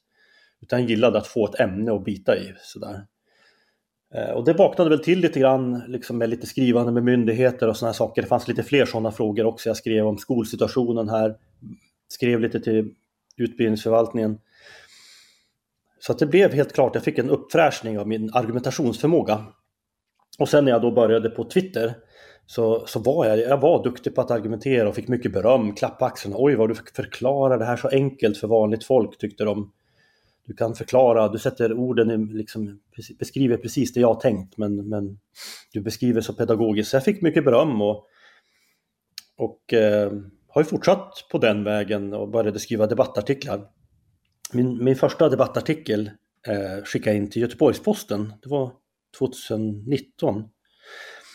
Och då skrev jag, rubriken var Skulle Greta Thunberg fått, eller skulle Greta fått eh, skolka för, för kärnkraft? Var ja, frågeställningen. den den eh, fick ju ganska bra spridning.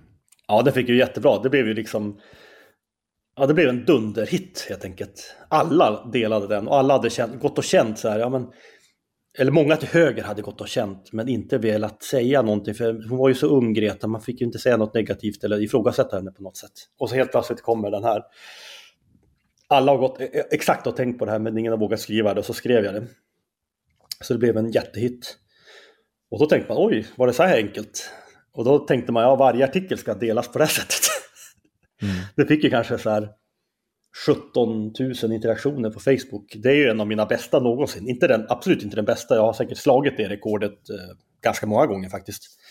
Men helt klart hör den till min, de bästa någonsin i spridning. Och du träffar ju ofta rätt med dina artiklar. Alltså det är ofta som du är bland på topplistan av de mest lästa liksom, på, på Bulletin um, för, för veckan. Och, och, du träffar ofta rätt. Vad, vad, är det som gör? det? Letar du aktivt efter ämnen eller är det bara att, att du det råkar sig, att du råkar ha de tankarna som folk vill läsa?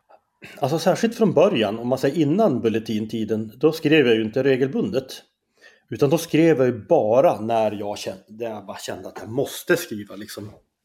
Och det var ju som det här med Greta, att man hade gått runt och irriterat sig på det länge då och känt att varför är det ingen som säger det här? Och precis de lägena skrev jag. Och eh, länge så skrev jag ju liksom för GP Debatt, Expressen Debatt och eh, Dagens Samhälle. De tre gick jag runt och de, ingen ville ju liksom ge mig en plattform på något sätt. Så att det var ju hela tiden så här, ja hur länge sedan var det du publicerades nu? Och har du blivit publicerad någon annanstans? Så att de kände, ja men nu kan vi ta in dig för nu har Dagens Samhälle skrivit om det och nu har GP tagit in det, då kan Expressen ta in mig. Och, och, jag skrev ju bara när jag verkligen kände liksom att det här är ingen som säger det här, men det här är ju uppenbart sant. De gånger skrev jag och det blev ju nästan alltid dunderhittar faktiskt, om jag ska vara ärlig. Det var så. Att det blev nästan alltid Sveriges mest delade artikel varje gång jag skrev. Och det är väl kanske, ja, delvis var det väl att, att få skrev om, om de här sakerna som jag skrev om då. Till exempel mycket om brottsligheten och att det faktiskt inte var så att det blev tryggare och tryggare och, och sådana saker som, som var... Det var fortfarande ganska känsligt på den tiden att skriva sådana saker. Mm. Man kunde skriva om antisemitism och sånt där var ju väldigt känsligt då att vi faktiskt hade ökande antisemitism i Sverige.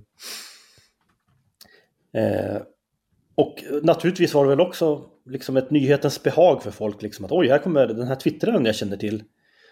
Nu skriver han helt plötsligt i tidningen, vad roligt. Och man skrev ju inte så ofta heller på den tiden så att det är väl lite som det är kanske för, vad heter han, Chan Emanuel nu eller någon som mm. inte skriver så där jätteofta att, att det, det blir liksom mycket också. Oj, nu kommer den här vanliga personen in och skriver. Det, det ger en extra boost, tror jag. Mm.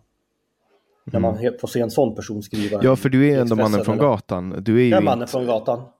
Du är ingen så här eh, utbildad journalist som har liksom gått den långa, långa vägen och sitter i en turtleneck på Aftonbladets redaktion. Nej, utan jag är ju liksom bara en vanlig IT-snubbe liksom som har börjat skriva helt enkelt. Mm. Um, Vad har du annat skrivit för, för ämnen som du känner att, eller som, som du märker att folk verkligen engagerar sig i? Men jag har ju skrivit till exempel eh, om eh, ja, när de liksom ville villkora mediestödet helt plötsligt och vilja ha lite godtyckliga regler till vilka som ska få mediestöd. Liksom just det här. Ja, det, eh, jag, jag har skrivit lite grann om hur Twitter och sociala medier eh, försöker begränsa högerfolk till exempel.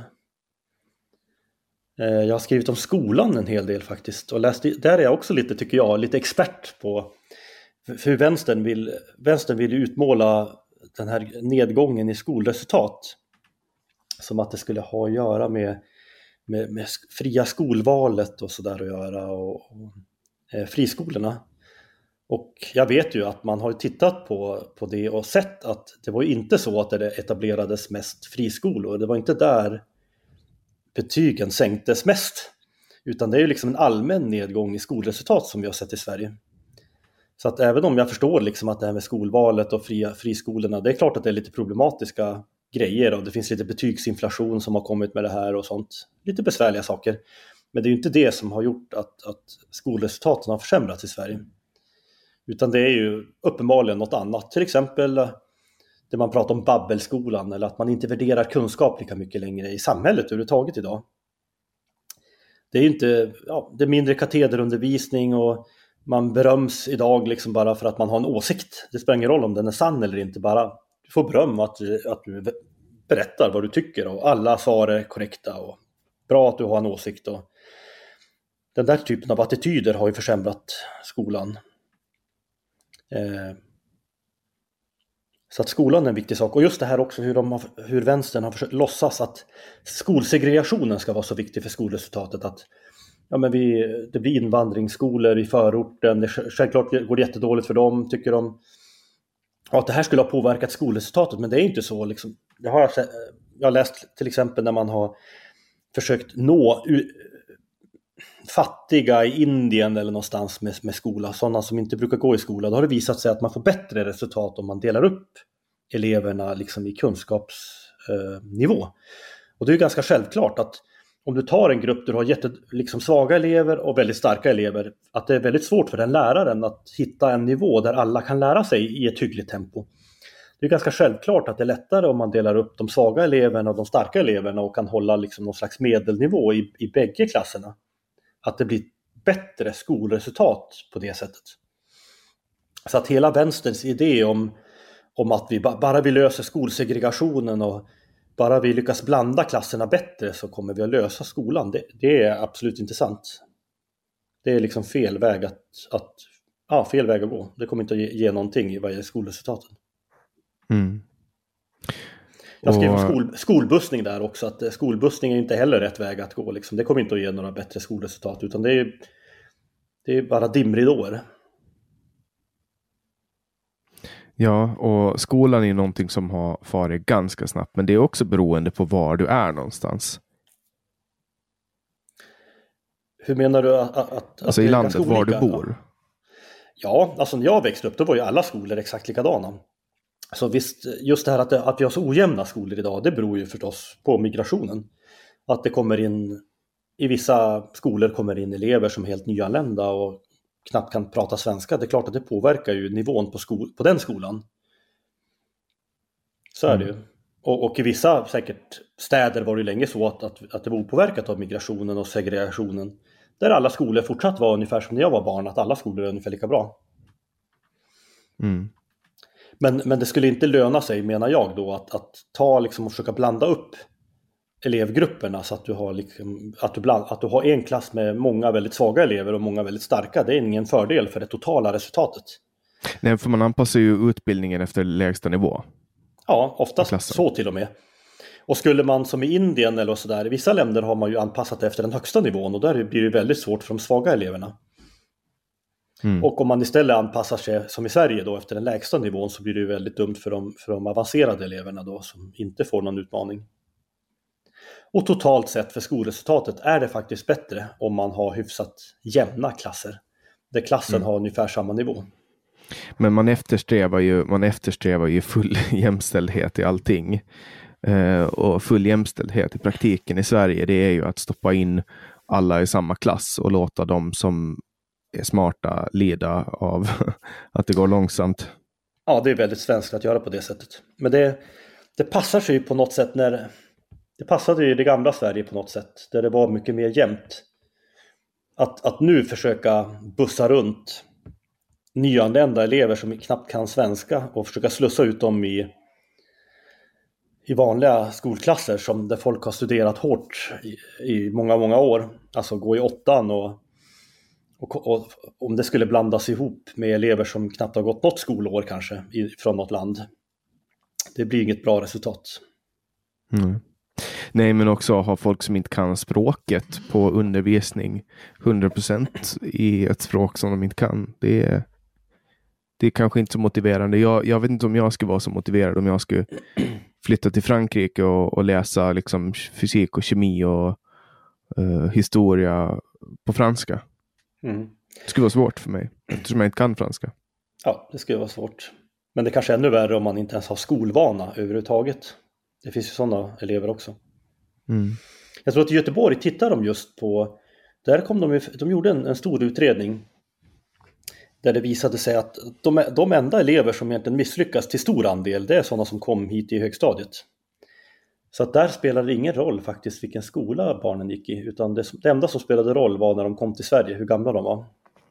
Vad gäller att få liksom godkända skol, slutbetyg så att de kunde söka till gymnasiet, vill säga. Mm.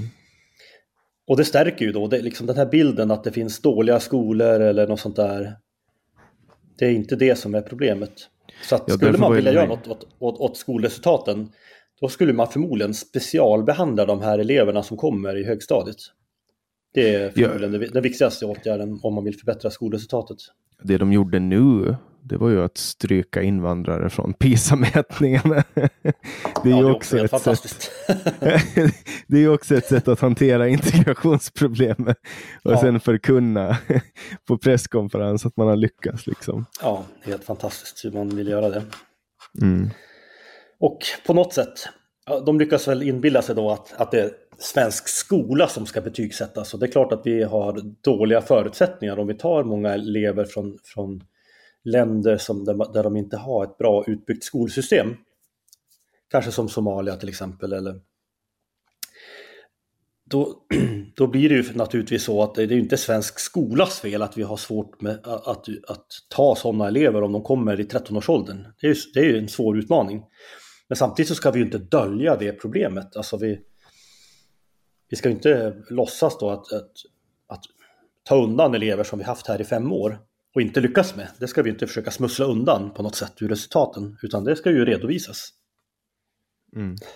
Nej men det är ju det, det är ett sätt att uh, hantera de här problemen. Alltså det ska bli kul att se om, om det nu blir ett regeringsskifte till höger. Uh, då ska vi se hur, hur sossarna kommer att bete sig så fort de kommer i opposition.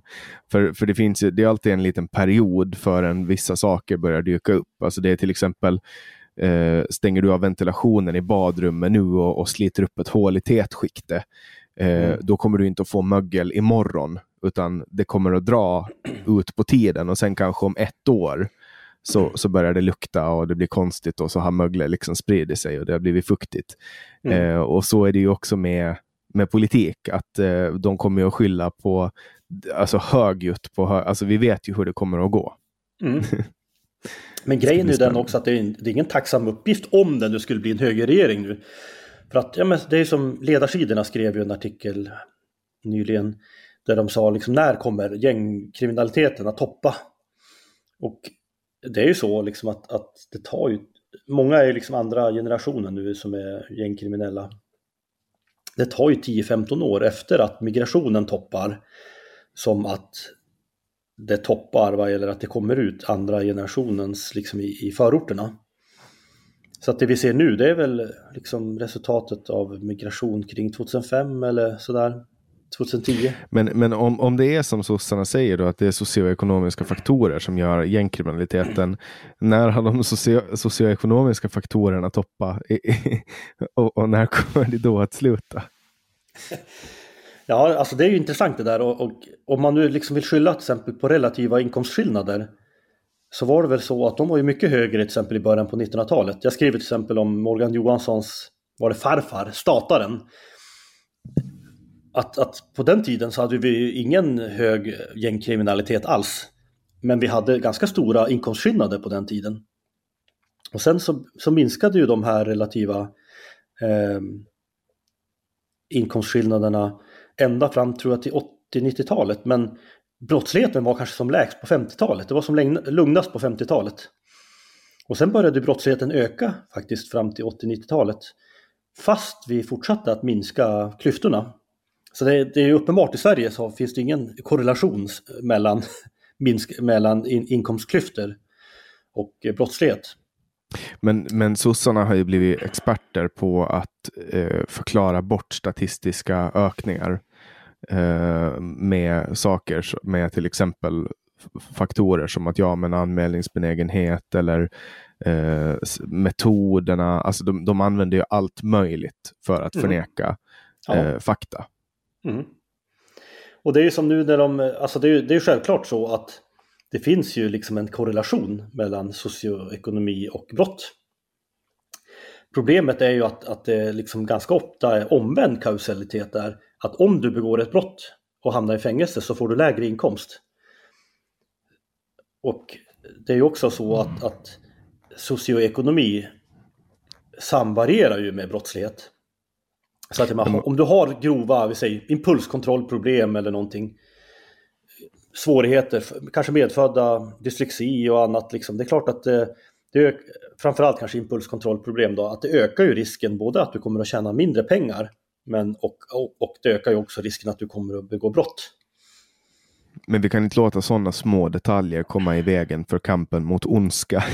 Ja, exakt. vi måste ju bekämpa de här högergubbarna, de här vita kränkta männen mm. som försöker ta över samhället. Nej, men jag faller lätt in i, i, i den här ironiska eh, sparka på etablissemanget och regeringen, retoriken, mm. när jag mm. pratar med, med en högerman som dig. Mm. Eh, ja. Och det har ju dels att göra med att jag själv är en högerman, men också mm. eh, så jävla trött på Alltså, det, jag tycker det är jävligt refreshing som, som förra veckan till exempel. Um, eller för, förra veckan blir det, så hade mm. jag med Bilan Osman eh, mm. i podden och vi hade världens mm. bästa prat. Alltså, mm. Det var hur trevligt som helst och, mm. och det var, jag kände att det var första gången på länge som jag verkligen kände att nu fick jag ut det jag ska få ut av en samtalspodd för att vi kunde mötas. Ja. Vi hade helt olika åsikter. Mm. Men jag är så trött på vänsterns eh, plattityder om, om liksom eh, men allas lika värde och att det mm. att enda sättet att, liksom, att, att hylla och gynna allas lika värde det är att liksom, vi gör på det här sättet, vi förnekar det här. Alltså, och det kan aldrig vara att, att det är så sällan vänstern är självkritisk och bara, ah, men vi gjorde fel. Vi mm. borde inte ha gjort det här. Um, alltså så här, samtidigt som man säger att ja, men vi ska vi är det bästa landet i världen när det kommer till att visa solidaritet och vi är en humanitär stormakt, mm. så försöker de ändå vinna poäng från Sverigedemokraterna genom att säga att ja, men vi har stramat åt invandringen, vi har stoppat det helt och hållet, fast det är inte sant. Mm. De, de ljuger. Ja. Det är någon som påpekade också hur de har skyllt på, på skattesänkningar som Reinfeldt gjorde, då, att det är det som har orsakat gängkriminaliteten. Och så nu sänker de själva skatterna lite grann. Och då är de stolta över det. Alltså de har ju ingen skam i kroppen hur de den ena dagen skyller på skattesänkningar och sen sänker de skatterna själva och då är det inte en ond skattesänkning utan då är det då är, då är den gjord av de goda och då, då funkar det jättebra. Mm. Ja men det är ju klart, alltså, de, de säger att de ska sänka skatten lite men sen höjer de ju ändå liksom bensin och dieselskatt och, och ökar eh, någonting här och där. Det där är bara, det är valfläsk, de kastar ut valfläsk liksom. Mm. Och de lyckas ju på något sätt tro att vi är ett så ett ojämlikt samhälle. De beskriver ju liksom Sverige som ett genomrasistiskt, ojämställt, ojämlikt samhälle. Och ändå, om man jämför då med andra länder i världen så, så får, har man själv uppfattningen att vi är ju ett väldigt eh, jämlikt samhälle. Vi är ett väldigt jämställt samhälle. Så det är ju, de har ju en helt orealistisk uppfattning om, om landet på något sätt. Ja, det, jag tycker att det är eh, tröttsamt att, att, höra hur, hur de målar upp. Alltså det är ungefär som den här jämställdhetsparadoxen som nu har ju SVT börjat göra eh, en, en, dokumentär då, där de går igenom de här olika grejerna och då har de eller någon serie då. Och då, nu har de konstaterat att den här jämställdhetsparadoxen är en grej. Eh, och det var ju den som Annie Lööf satt och förneka med Jordan B. Peterson. När hon sa mm. så men vi håller inte med varandra. Så mm. vi, vi håller inte med. Eh, och, och där är ju utgångspunkten att Sverige är ett av världens mest jämställda länder. Mm. Exakt.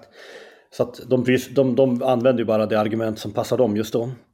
Just det här att ge mig på liksom, osakligheter i debatten, det var ju egentligen så, jag, liksom, det var min devis från början på mitt Twitterkonto. Så att det dyker upp grejer då och då där jag tycker liksom att nu, har de ju, nu, nu är de ju oärliga, nu har de oärliga argument i debatten. Till exempel om knarket helt plötsligt, där de skulle skylla på eh, rika ungdomar i Djursholm eller vad det var.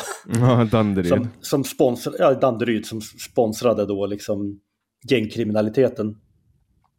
Och ja, man förstod direkt att det här, det kan väl inte stämma att det är just rika liksom, ungdomar i Danderyd som är någon stor del av, av knarkförsäljningen eller knarkanvändandet.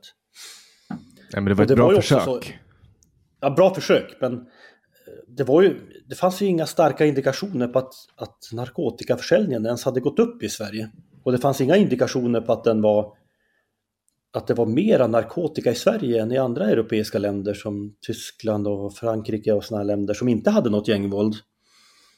Ja, men Sverige, helt... har väl, Sverige har väl högre dödlighet, eh, narkotikarelaterad dödlighet. Ja exakt, vi har ju en annan narkotika hantering i Sverige. Vi försöker jaga narkotikaförsäljningen på ett helt annat sätt. Ja, eller den enskilda brukaren. Bruk och, ja, exakt. Enskilda brukare jagar vi på ett helt annat sätt än, än vad andra länder gör. Men det finns ju liksom, när, när man har gjort enkätstudier och sådana här saker, anonyma, så är det inte så att vi har liksom någon väldigt hög användning i Sverige och det är inte så att de rika använder mera än de fattiga heller. Det är tvärtom oftast. Att, att det hör ju ihop lite grann förstås drogproblematik med låg inkomst och sådana här saker. Det är inga konstigheter egentligen. Så och sen är det också en, ungefär samma mängd eh, beroende, alltså antal. Och det är också, det är också viss genetik och, och, så, och miljö, och arv och miljö. Men det är ungefär mm. samma siffra eh, i procent över befolkningen som är beroende eller potentiellt kan bli beroende. Mm. Och, och, det skiljer sig inte så mycket från andra, andra länder. Det som Nej. skiljer sig det är lagarna och, och hur man eh, då och synen såklart. Ja. Och det gör att, att folk i Sverige dör mer än, än många andra länder. Mm. Däremot just det här med, alltså, i princip så är det inget jättekonstigt med vår narkotikaförsäljning i Sverige, förutom att vi numera har kriminella som dödar varandra i samband med att de också bedriver eh, narkotikaförsäljning. Men det, är liksom inte, det sticker inte ut storleken på narkotikaanvändningen eller försäljningen i Sverige. Det enda som sticker ut är ju det hänsynslösa våldet som de här använder sig av. Mm. Det är det som gör Sverige speciellt. Men jag, jag, gillar som sagt att så fort jag ser ovetenskapligheter i debatten eller oärlig argumentation. Det kan ju vara liksom att de ja, ibland försvarat Ebba, Ebba Busch eller ibland har försvarat SD eller när jag upplever liksom att, att nu är det osanna argument i debatten då, då känner jag liksom att äh, nu måste jag skriva det här för det här är ingen annan som skriver. Mm. Vad, vad har du för uh, krönikor på gång? Då? Har du liksom ett lager som du sitter och pumpar ut eller, eller kommer det spontant så skickar du in det när du är arg? Jag har ju försökt fortsätta just det här med att där jag är arg-grejen. Skriver i affekt, som jag brukar säga. Eh, som Lamotte fast med text. Du sitter Exakt. i en bil och skriker. Jag kommer ju från sociala medier så att jag ju alltid liksom, och jag, jag, märker ju liksom hur, hur folk fungerar. Att när en debatt är aktuell, då, skriv, då pratar alla om det i två dagar och sen är det över. Så att eh, på Bulletin så har man ju faktiskt redan från start, så har man ju, liksom när jag skulle bli krönikör, då ville de schemalägga mig. Men jag bara, nej men jag vill inte bli schemalagd. Jag vill inte... Jag vill bara skriva om det som är aktuellt. Men jag tänkte om du, om du kan en massa om arbetskraftsinvandring eller något sånt där som jag kanske skulle kunna skriva om. Jag kan en massa saker om det, men varför skulle jag, ingen skulle lyssna på det om jag bara skulle skriva det utan att det är aktuellt. Däremot om en, en minister helt plötsligt gör något felaktigt uttalande och säger något som är helt fel i Agenda eller något sånt där en söndag, då, då okej, okay, nu ska jag skriva om det här förstås, känner jag. Och då vill jag skriva och få ut det på måndag. Så, så, så tänker jag. Så det har ju varit en löpande kommunikation på Bulletin också. Med att jag vill inte bli schemalagd och jag vill bara skriva när jag vill skriva. Eh, och jag vill försöka få ut det så fort som möjligt när jag väl har skrivit. Eh, Medan liksom många från tidningsvärlden, särskilt från de som kommer från papperstidningsvärlden, de är ju helt inne liksom på att ja, men krönikörer, det är något man schemalägger. De fattar liksom grejen vad gäller TT, liksom telegram. Det är ingen som försöker schemalägga TT-telegram eller någon nyhetsartikel. Men helt plötsligt en krönika, liksom, det sprang, en krönika, jag försöker ju alltid skriva om någonting aktuellt. Och det fick jag lära mig redan när jag skrev om debattartiklarna från början. Det var ju vad debattsidorna sa. Det, det, om du googlar på GP debatt och, och, försöker läsa på hur vill de att du ska skriva en debattartikel. Då står det ju liksom att ja, men det är bra om du håller dig till en aktuell debatt eller, eller väver in aktuella ämnen i det du skriver. För då, då är det mycket större chans att någon kommer att vilja läsa det du skriver. Och det är ju samma, så, så, när jag skriver innehåller det ofta någon typ av nyhet från debatten. Att vanligt folk känner ju inte till att Morgan Johansson har twittrat fel om det eller det. Utan det, det, det innehåller nyhetsvärde från Twitter eller nyhetsvärde från Linda Snecker har gjort något uttalande. Så ofta är det ju liksom väldigt aktuellt och det är liksom debatten kommer, det, det här kommer att vara något som folk pratar om i två, tre dagar. Sen är det över. Så att det gäller att få ut det fort. Det, det är min, min uppfattning. Och jag försöker ju bearbeta Bulletin där. Att, att förstå att det är så, så jag skriver i alla fall. Och, det, och att det också är ett väldigt framgångsrikt sätt att skriva eh, texter på att passa på att skriva om gängkriminalitet när det, när det är aktuellt. Som nu, skriv, nu har det varit jättemånga dödsskjutningar. Och då skriver jag väldigt mycket om gängkriminalitet eftersom det ständigt är ett aktuellt ämne. Medan liksom, om det kommer en yttrandefrihetsdebatt eh, med Facebook eller med Google eller något sånt där, då kommer jag skriva om det. Kommer det någon ny PISA-undersökning kommer jag skriva om skolan jag kan en massa saker om det hela tiden men jag, jag, ser ingen anledning till att inte skriva om det som är aktuellt eftersom jag, det är det som folk är intresserade av just nu. Mm. Ja. Eh, är det någonting annat som, som du brinner extra mycket för som du tycker att vi kan ta de sista, den sista tiden och, och prata om? Vi har ju ungefär 20 minuter kvar på vår schemalagda tid. Ja du, ska man se liksom vad jag har skrivit om egentligen? Ja, för jag, jag tycker ju ofta att det, alltså ska jag kategorisera dig så, så du är en högerdebattör liksom. Du skriver om saker som, som uh, jag skulle säga att du är ganska bra representant för mannen på gatan. Ja, så är det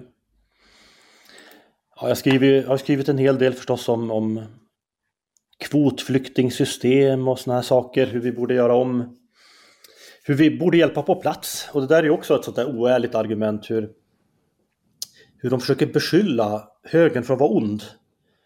Eh, Medan min ingång är ju att uppenbarligen har det här migrationsprojektet inte fungerat särskilt väl. Det är ingen särskilt bra flyktinghjälp vi ger. Vi skapar en massa problem här i Sverige genom att ta hit lågt utbildade och ibland också uppe i åren så att de inte kommer att kunna utbilda sig och skaffa ett jobb utan de, de är hänvisade till att leva på bidrag i vissa fall. Då. Och dessutom är det bara ett fåtal som vi tar emot. Det, är liksom, det finns ju många, många tiotals miljoner flyktingar där ute som inte får komma till Sverige. Så att jag brinner ju lite grann för att, att, att, att att vi behöver göra om flyktinghjälpen. Och jag är ingen ond person utan jag, jag vill också hjälpa flyktingar. Jag upplever inte att jag är mindre empatisk än vad vänstern är, utan jag tycker att jag är mer empatisk. Jag kan förstå liksom att det är väldigt problematiskt ute i förorterna. Och, och att, att det inte är bra att fylla på dem med, med ännu fler lågutbildade och ännu fler arbetslösa. Utan jag tänker mig att vi ska kunna ge en mera rättvis hjälp på plats. Och, och eh, att ja, vi kommer inte att kunna lösa flyktingproblematiken genom att ta hit ett litet fåtal. Utan tvärtom så, så blir det ju liksom ingen... Det blir inget, inget bra resultat längre. Det är liksom på alldeles för höga nivåer. Och jag, jag tycker det är synd att vi inte försöker ägna mera fokus och engagemang i hur vi faktiskt skulle kunna hjälpa flyktingar mera på plats. Till exempel så gjordes ju ett försök under Syrienkriget. Att man försökte ge mera hjälp än, än, än akuthjälpen i jordanska flyktingläger. Man försökte hjälpa unga flickor till skola. Överhuvudtaget försökte man ju hjälpa dem att studera. Att passa på under, under de här åren i flyktingläger så ska vi kunna erbjuda utbildning. Och även försöka få flickor att, gå, att utbilda sig. Och till och med i viss mån försökte man skapa arbetstillfällen för, för den vuxna befolkningen. Och att vara mera kreativa i, den, i, i sånt arbete, att, att förhandla med regeringar i närområdet kan vi inte skapa liksom något, några arbetstillfällen? Vi har ju pengar i väst. Vi skulle kunna öka möjligheterna att jobba där och vi kan se till att fler får gå i skola, att de ändå inte, att det inte blir bortkastade år i flyktinglägren utan att, att, ja, att de har större möjligheter att lyckas med livet efteråt. och det var ju helt okej okay att ha den åsikten eh, förut fram tills egentligen att Hans Rosling tog den. För då då är det ju samma som SD och då kan man ju inte, då kan man ju inte hålla med honom längre. Kommer du ihåg det? Jag vet att, jag, jag kommer ihåg Rosling eh, och att han gav liksom SD rätt i den frågan. Att, att vi kan ju inte hjälpa flyktingarna och vi har ju liksom, det han tog upp var just hur, hur ohederlig debatten är. Vi låtsas att vi, att vi stöder asylrätten, fast egentligen gör ingen det. Egentligen har vi redan transportöransvar och vi hindrar, vi, vi hindrar ju folk från att flyga hit. Det skulle kosta ett par tusenlappar för dem att flyga hit från de här länderna. Men vi ser ju till att de inte gör, kan göra det och så tvingar vi ut dem på livsfarliga resor istället där de måste riskera sina liv på gummiflottar på Medelhavet. Och de personerna som står bakom den politiken så anklagar ju samtidigt högern då för att vilja ha ihjäl folk när det är tvärtom då tycker jag. Mm. Och alla, ja, vet ju att, alla vet ju dessutom att det inte skulle gå. Vi kan inte ta emot alla de här tiotals miljonerna. Eh, utan vad vi kan göra är att försöka ge en så bra flyktinghjälp som möjligt på plats. Och ta hit de som har förutsättningar förstås. De som kan komma hit och jobba. Det är väl ingen som är, är något emot arbetskraftsinvandring. Det är också liksom bara en, en halmgubbe. Men om, om folk har, har en utbildning och kan ha möjlighet att få jobb i Sverige och har goda möjligheter att, att integreras. Självklart kan vi ta hit dem. Det är väl ingen som är emot det. Vad jag vet. Sen är det också rimligt att, att eh, till exempel strida mot de här onda krafterna som Isis till exempel som har startat flyktingvågar. Våg, vågor får man väl ändå säga nu. Är plural. Vad menar du där egentligen? Att det är rimligt att vi gör det eller? Ja det tycker jag. Som USA till exempel, de tog ju full strid mot Isis. Mm. Ja, Eh, Eh, däremot just den här idén om att kunna bygga upp ett demokratiskt samhälle i Afghanistan, det har ju misslyckats. Det har ju varit naivt uppenbarligen. Ja, men, men skulle man stanna kvar så skulle, ju, skulle det ju sannolikheten öka att på sikt kunna göra det. Och det var ju inte jätte, jättemycket resurser som USA behövde för att upprätthålla demokratin där. Eh, eller demokratin, men stabiliteten. Det var, alltså, det krävs mer än 20 år för att bygga upp ett demokratiskt system. Det krävs antagligen en eller två generationer. Men, mm. men de soldaterna som Biden hade där eh, skulle, skulle han kunna ha lämnat kvar där till priset av att eh, de skulle få leva i fred. Nu kan de inte. Ja, jag tycker det där är en svår fråga. Um, helt klart så förstår man ju liksom att, att ett land som USA tänker säkerhetspolitiskt liksom, och, och de tänker att vi kan utsättas för terrordåd. Hur minskar vi risken för terrordåd? Jo, vi måste faktiskt göra något åt Afghanistan där, där de här som är liksom ett fritt land för de här eh, terrororganisationerna att bedriva sin verksamhet. Eh, samtidigt är det så att det har kostat enormt mycket pengar. Det har pumpats in miljarder där och de här miljarderna har ju liksom gått till, till säkert ganska dåliga saker också. Att etablissemanget har skott sig, de har tagit pengarna och, och gjort privata förmögenheter. Ja, den, den, jag tycker det är en svår fråga ändå. Jag, jag, jag, har, jag har ingen exakt åsikt i, i, frågan just nu, känner jag. För jag tänker bara vad, vad det beträffar USAs närvaro. Skulle inte Biden ha dragit bort soldaterna så skulle inte talibanerna kunna dra in och tagit makten i Kabul. Och, och det är det jag tänker att det det ska de kunna. De ska kunna haft kvar soldaterna där och behållit Kabul och behållit liksom stabiliteten, för det var ju ändå stabilt innan. Nu gav man ju det till, till talibanerna. Det var så här, ja men nu orkar vi inte längre. Mm. Varsågod. Mm. Ja. Ja, ja, ja, det är möjligt. Jag måste fundera mera innan jag vågar säga, ha en, en, en tydlig åsikt i frågan. Mm. Nej, men det var, för det, en, det var en det annan sak förresten. Ja, vad, vad, säger du? Nej, men ja, det, är för, jag märker att jag har börjat opinionsbilda mer på slutet om, om moral och värderingar och sådana här saker. Till exempel just det här med socioekonomiska faktorer och så här. Det är uppenbart att det inte är svaret. Alltså det kommer inte att hjälpa om vi ens delar ut mer bidrag till kriminella eller till förorterna. Vi ger redan mycket mer pengar till skolorna. Eh, utan Utöver då, naturligtvis vill jag minska migrationen för att minska trycket på förorterna, men någonstans om vi överhuvudtaget ska kunna påverka gängvåldet till, hos de som redan är här och, och, och skolan och sådär, då måste vi ju faktiskt, det, det, är ju ändå hjälp till självhjälp som är det enda som fungerar. Så det handlar ju om att säga åt föräldrar och, och ungdomar att måste ta ett eget ansvar. Att det, det, är liksom, du kommer få ett dåligt liv om du inte tar i tag i dina studier. Och försöker du ge dig på den kriminella världen så kommer du liksom, du ser hur det, alltså informera om hur det ser ut med, det kommer finnas stridigheter, man kommer ha ihjäl varandra, du kommer att titta över axeln hela tiden. Eh, och försöka ändå ta, liksom tala om, om att det finns möjligheter i Sverige att utbilda sig, att få ett hyggligt jobb med bra betalt, skaffa fa familj och få ett meningsfullt liv ändå. Att det måste handla om värderingarna här, att, att få dem att inte se upp till Yasin Byn och, och tro liksom att det här gangsterromantiska är ett bra liv att se fram emot. Det är någonstans där vi måste förändra i så fall. Så att jag har, ja, för det, ja. det är ju ett stort problem just att människor, alltså just att människor växer upp i, i förorter och ser upp till de här kriminella. Det, det är ju någonting, men samtidigt så är det kultur eh, och, och, det är väldigt svårt att liksom stoppa kulturen. Men det är bara att kolla på alla exempel i historien när man har försökt. Exakt, jag säger inte att det är enkelt, men om det finns någonting som skulle ha, kunna ha någon effekt så är det ju liksom att man ändå för, försöker att påverka deras moral och, och liksom deras uppfattning om hur man ska leva livet. Och det här offerkoffe, offerkoftementaliteten, det duger ju inte till någonting. Det kan ju aldrig förbättra om man säger att ja men det stackars er, ni har det så svårt, eh, det är nästan omöjligt att lyckas ute i förorten.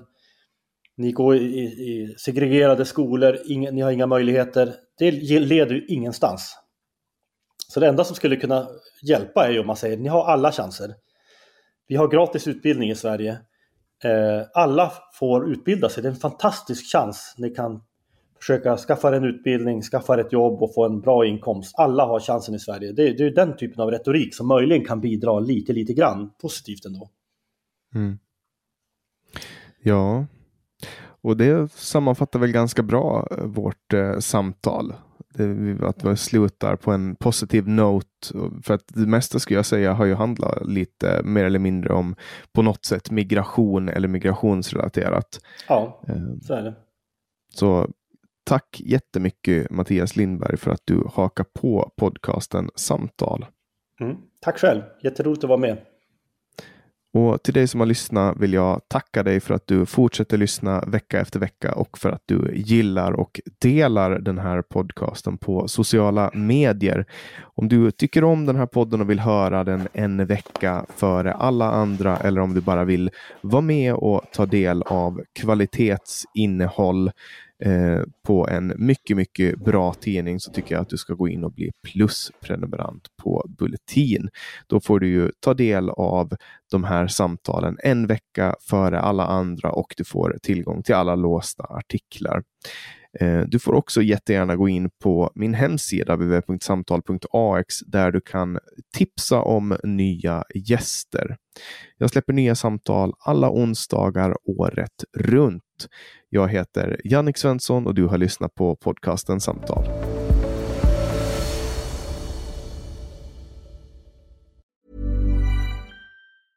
Mom deserves the best and there's no better place to shop for Mother's Day than Whole Foods Market. They're your destination for unbeatable savings, from premium gifts to show-stopping flowers and irresistible desserts. Start by saving 33% with Prime on all body care and candles. Then get a 15-stem bunch of tulips for just $9.99 each with Prime. Round out Mom's menu with festive rosé, irresistible berry chantilly cake, and more special treats. Come celebrate Mother's Day at Whole Foods Market. When you make decisions for your company, you look for the no-brainers. If you have a lot of mailing to do, stamps.com is the ultimate no-brainer. Use the stamps.com mobile app to mail everything you need to keep your business running with up to 89% off USPS and UPS. Make the same no-brainer decision as over 1 million other businesses with stamps.com. Use code program for a special offer. That's stamps.com, code program. Confidence starts with loving who you are. And when your skin feels nourished and glows on the outside, you naturally radiate confidence from the inside. Give your skin a glow up with Osea's clinically proven Mega Moisture Duo. This ultra hydrating body care features two of Osea's best sellers, Undaria Algae Body Oil and Undaria Collagen Body Lotion. These seaweed powered heroes use skincare level ingredients normally reserved for your face for results you can see and confidence you can feel. Osea has been making clean, clinically proven seaweed infused face and body care products for over 28 years. This luxurious skincare is vegan, cruelty free, and climate neutral certified, so you never have to choose between your values and your best skin. Glow from the inside out. Get 10% off your first order with code GLOW at OseaMalibu.com. That's O S E A Malibu.com code GLOW.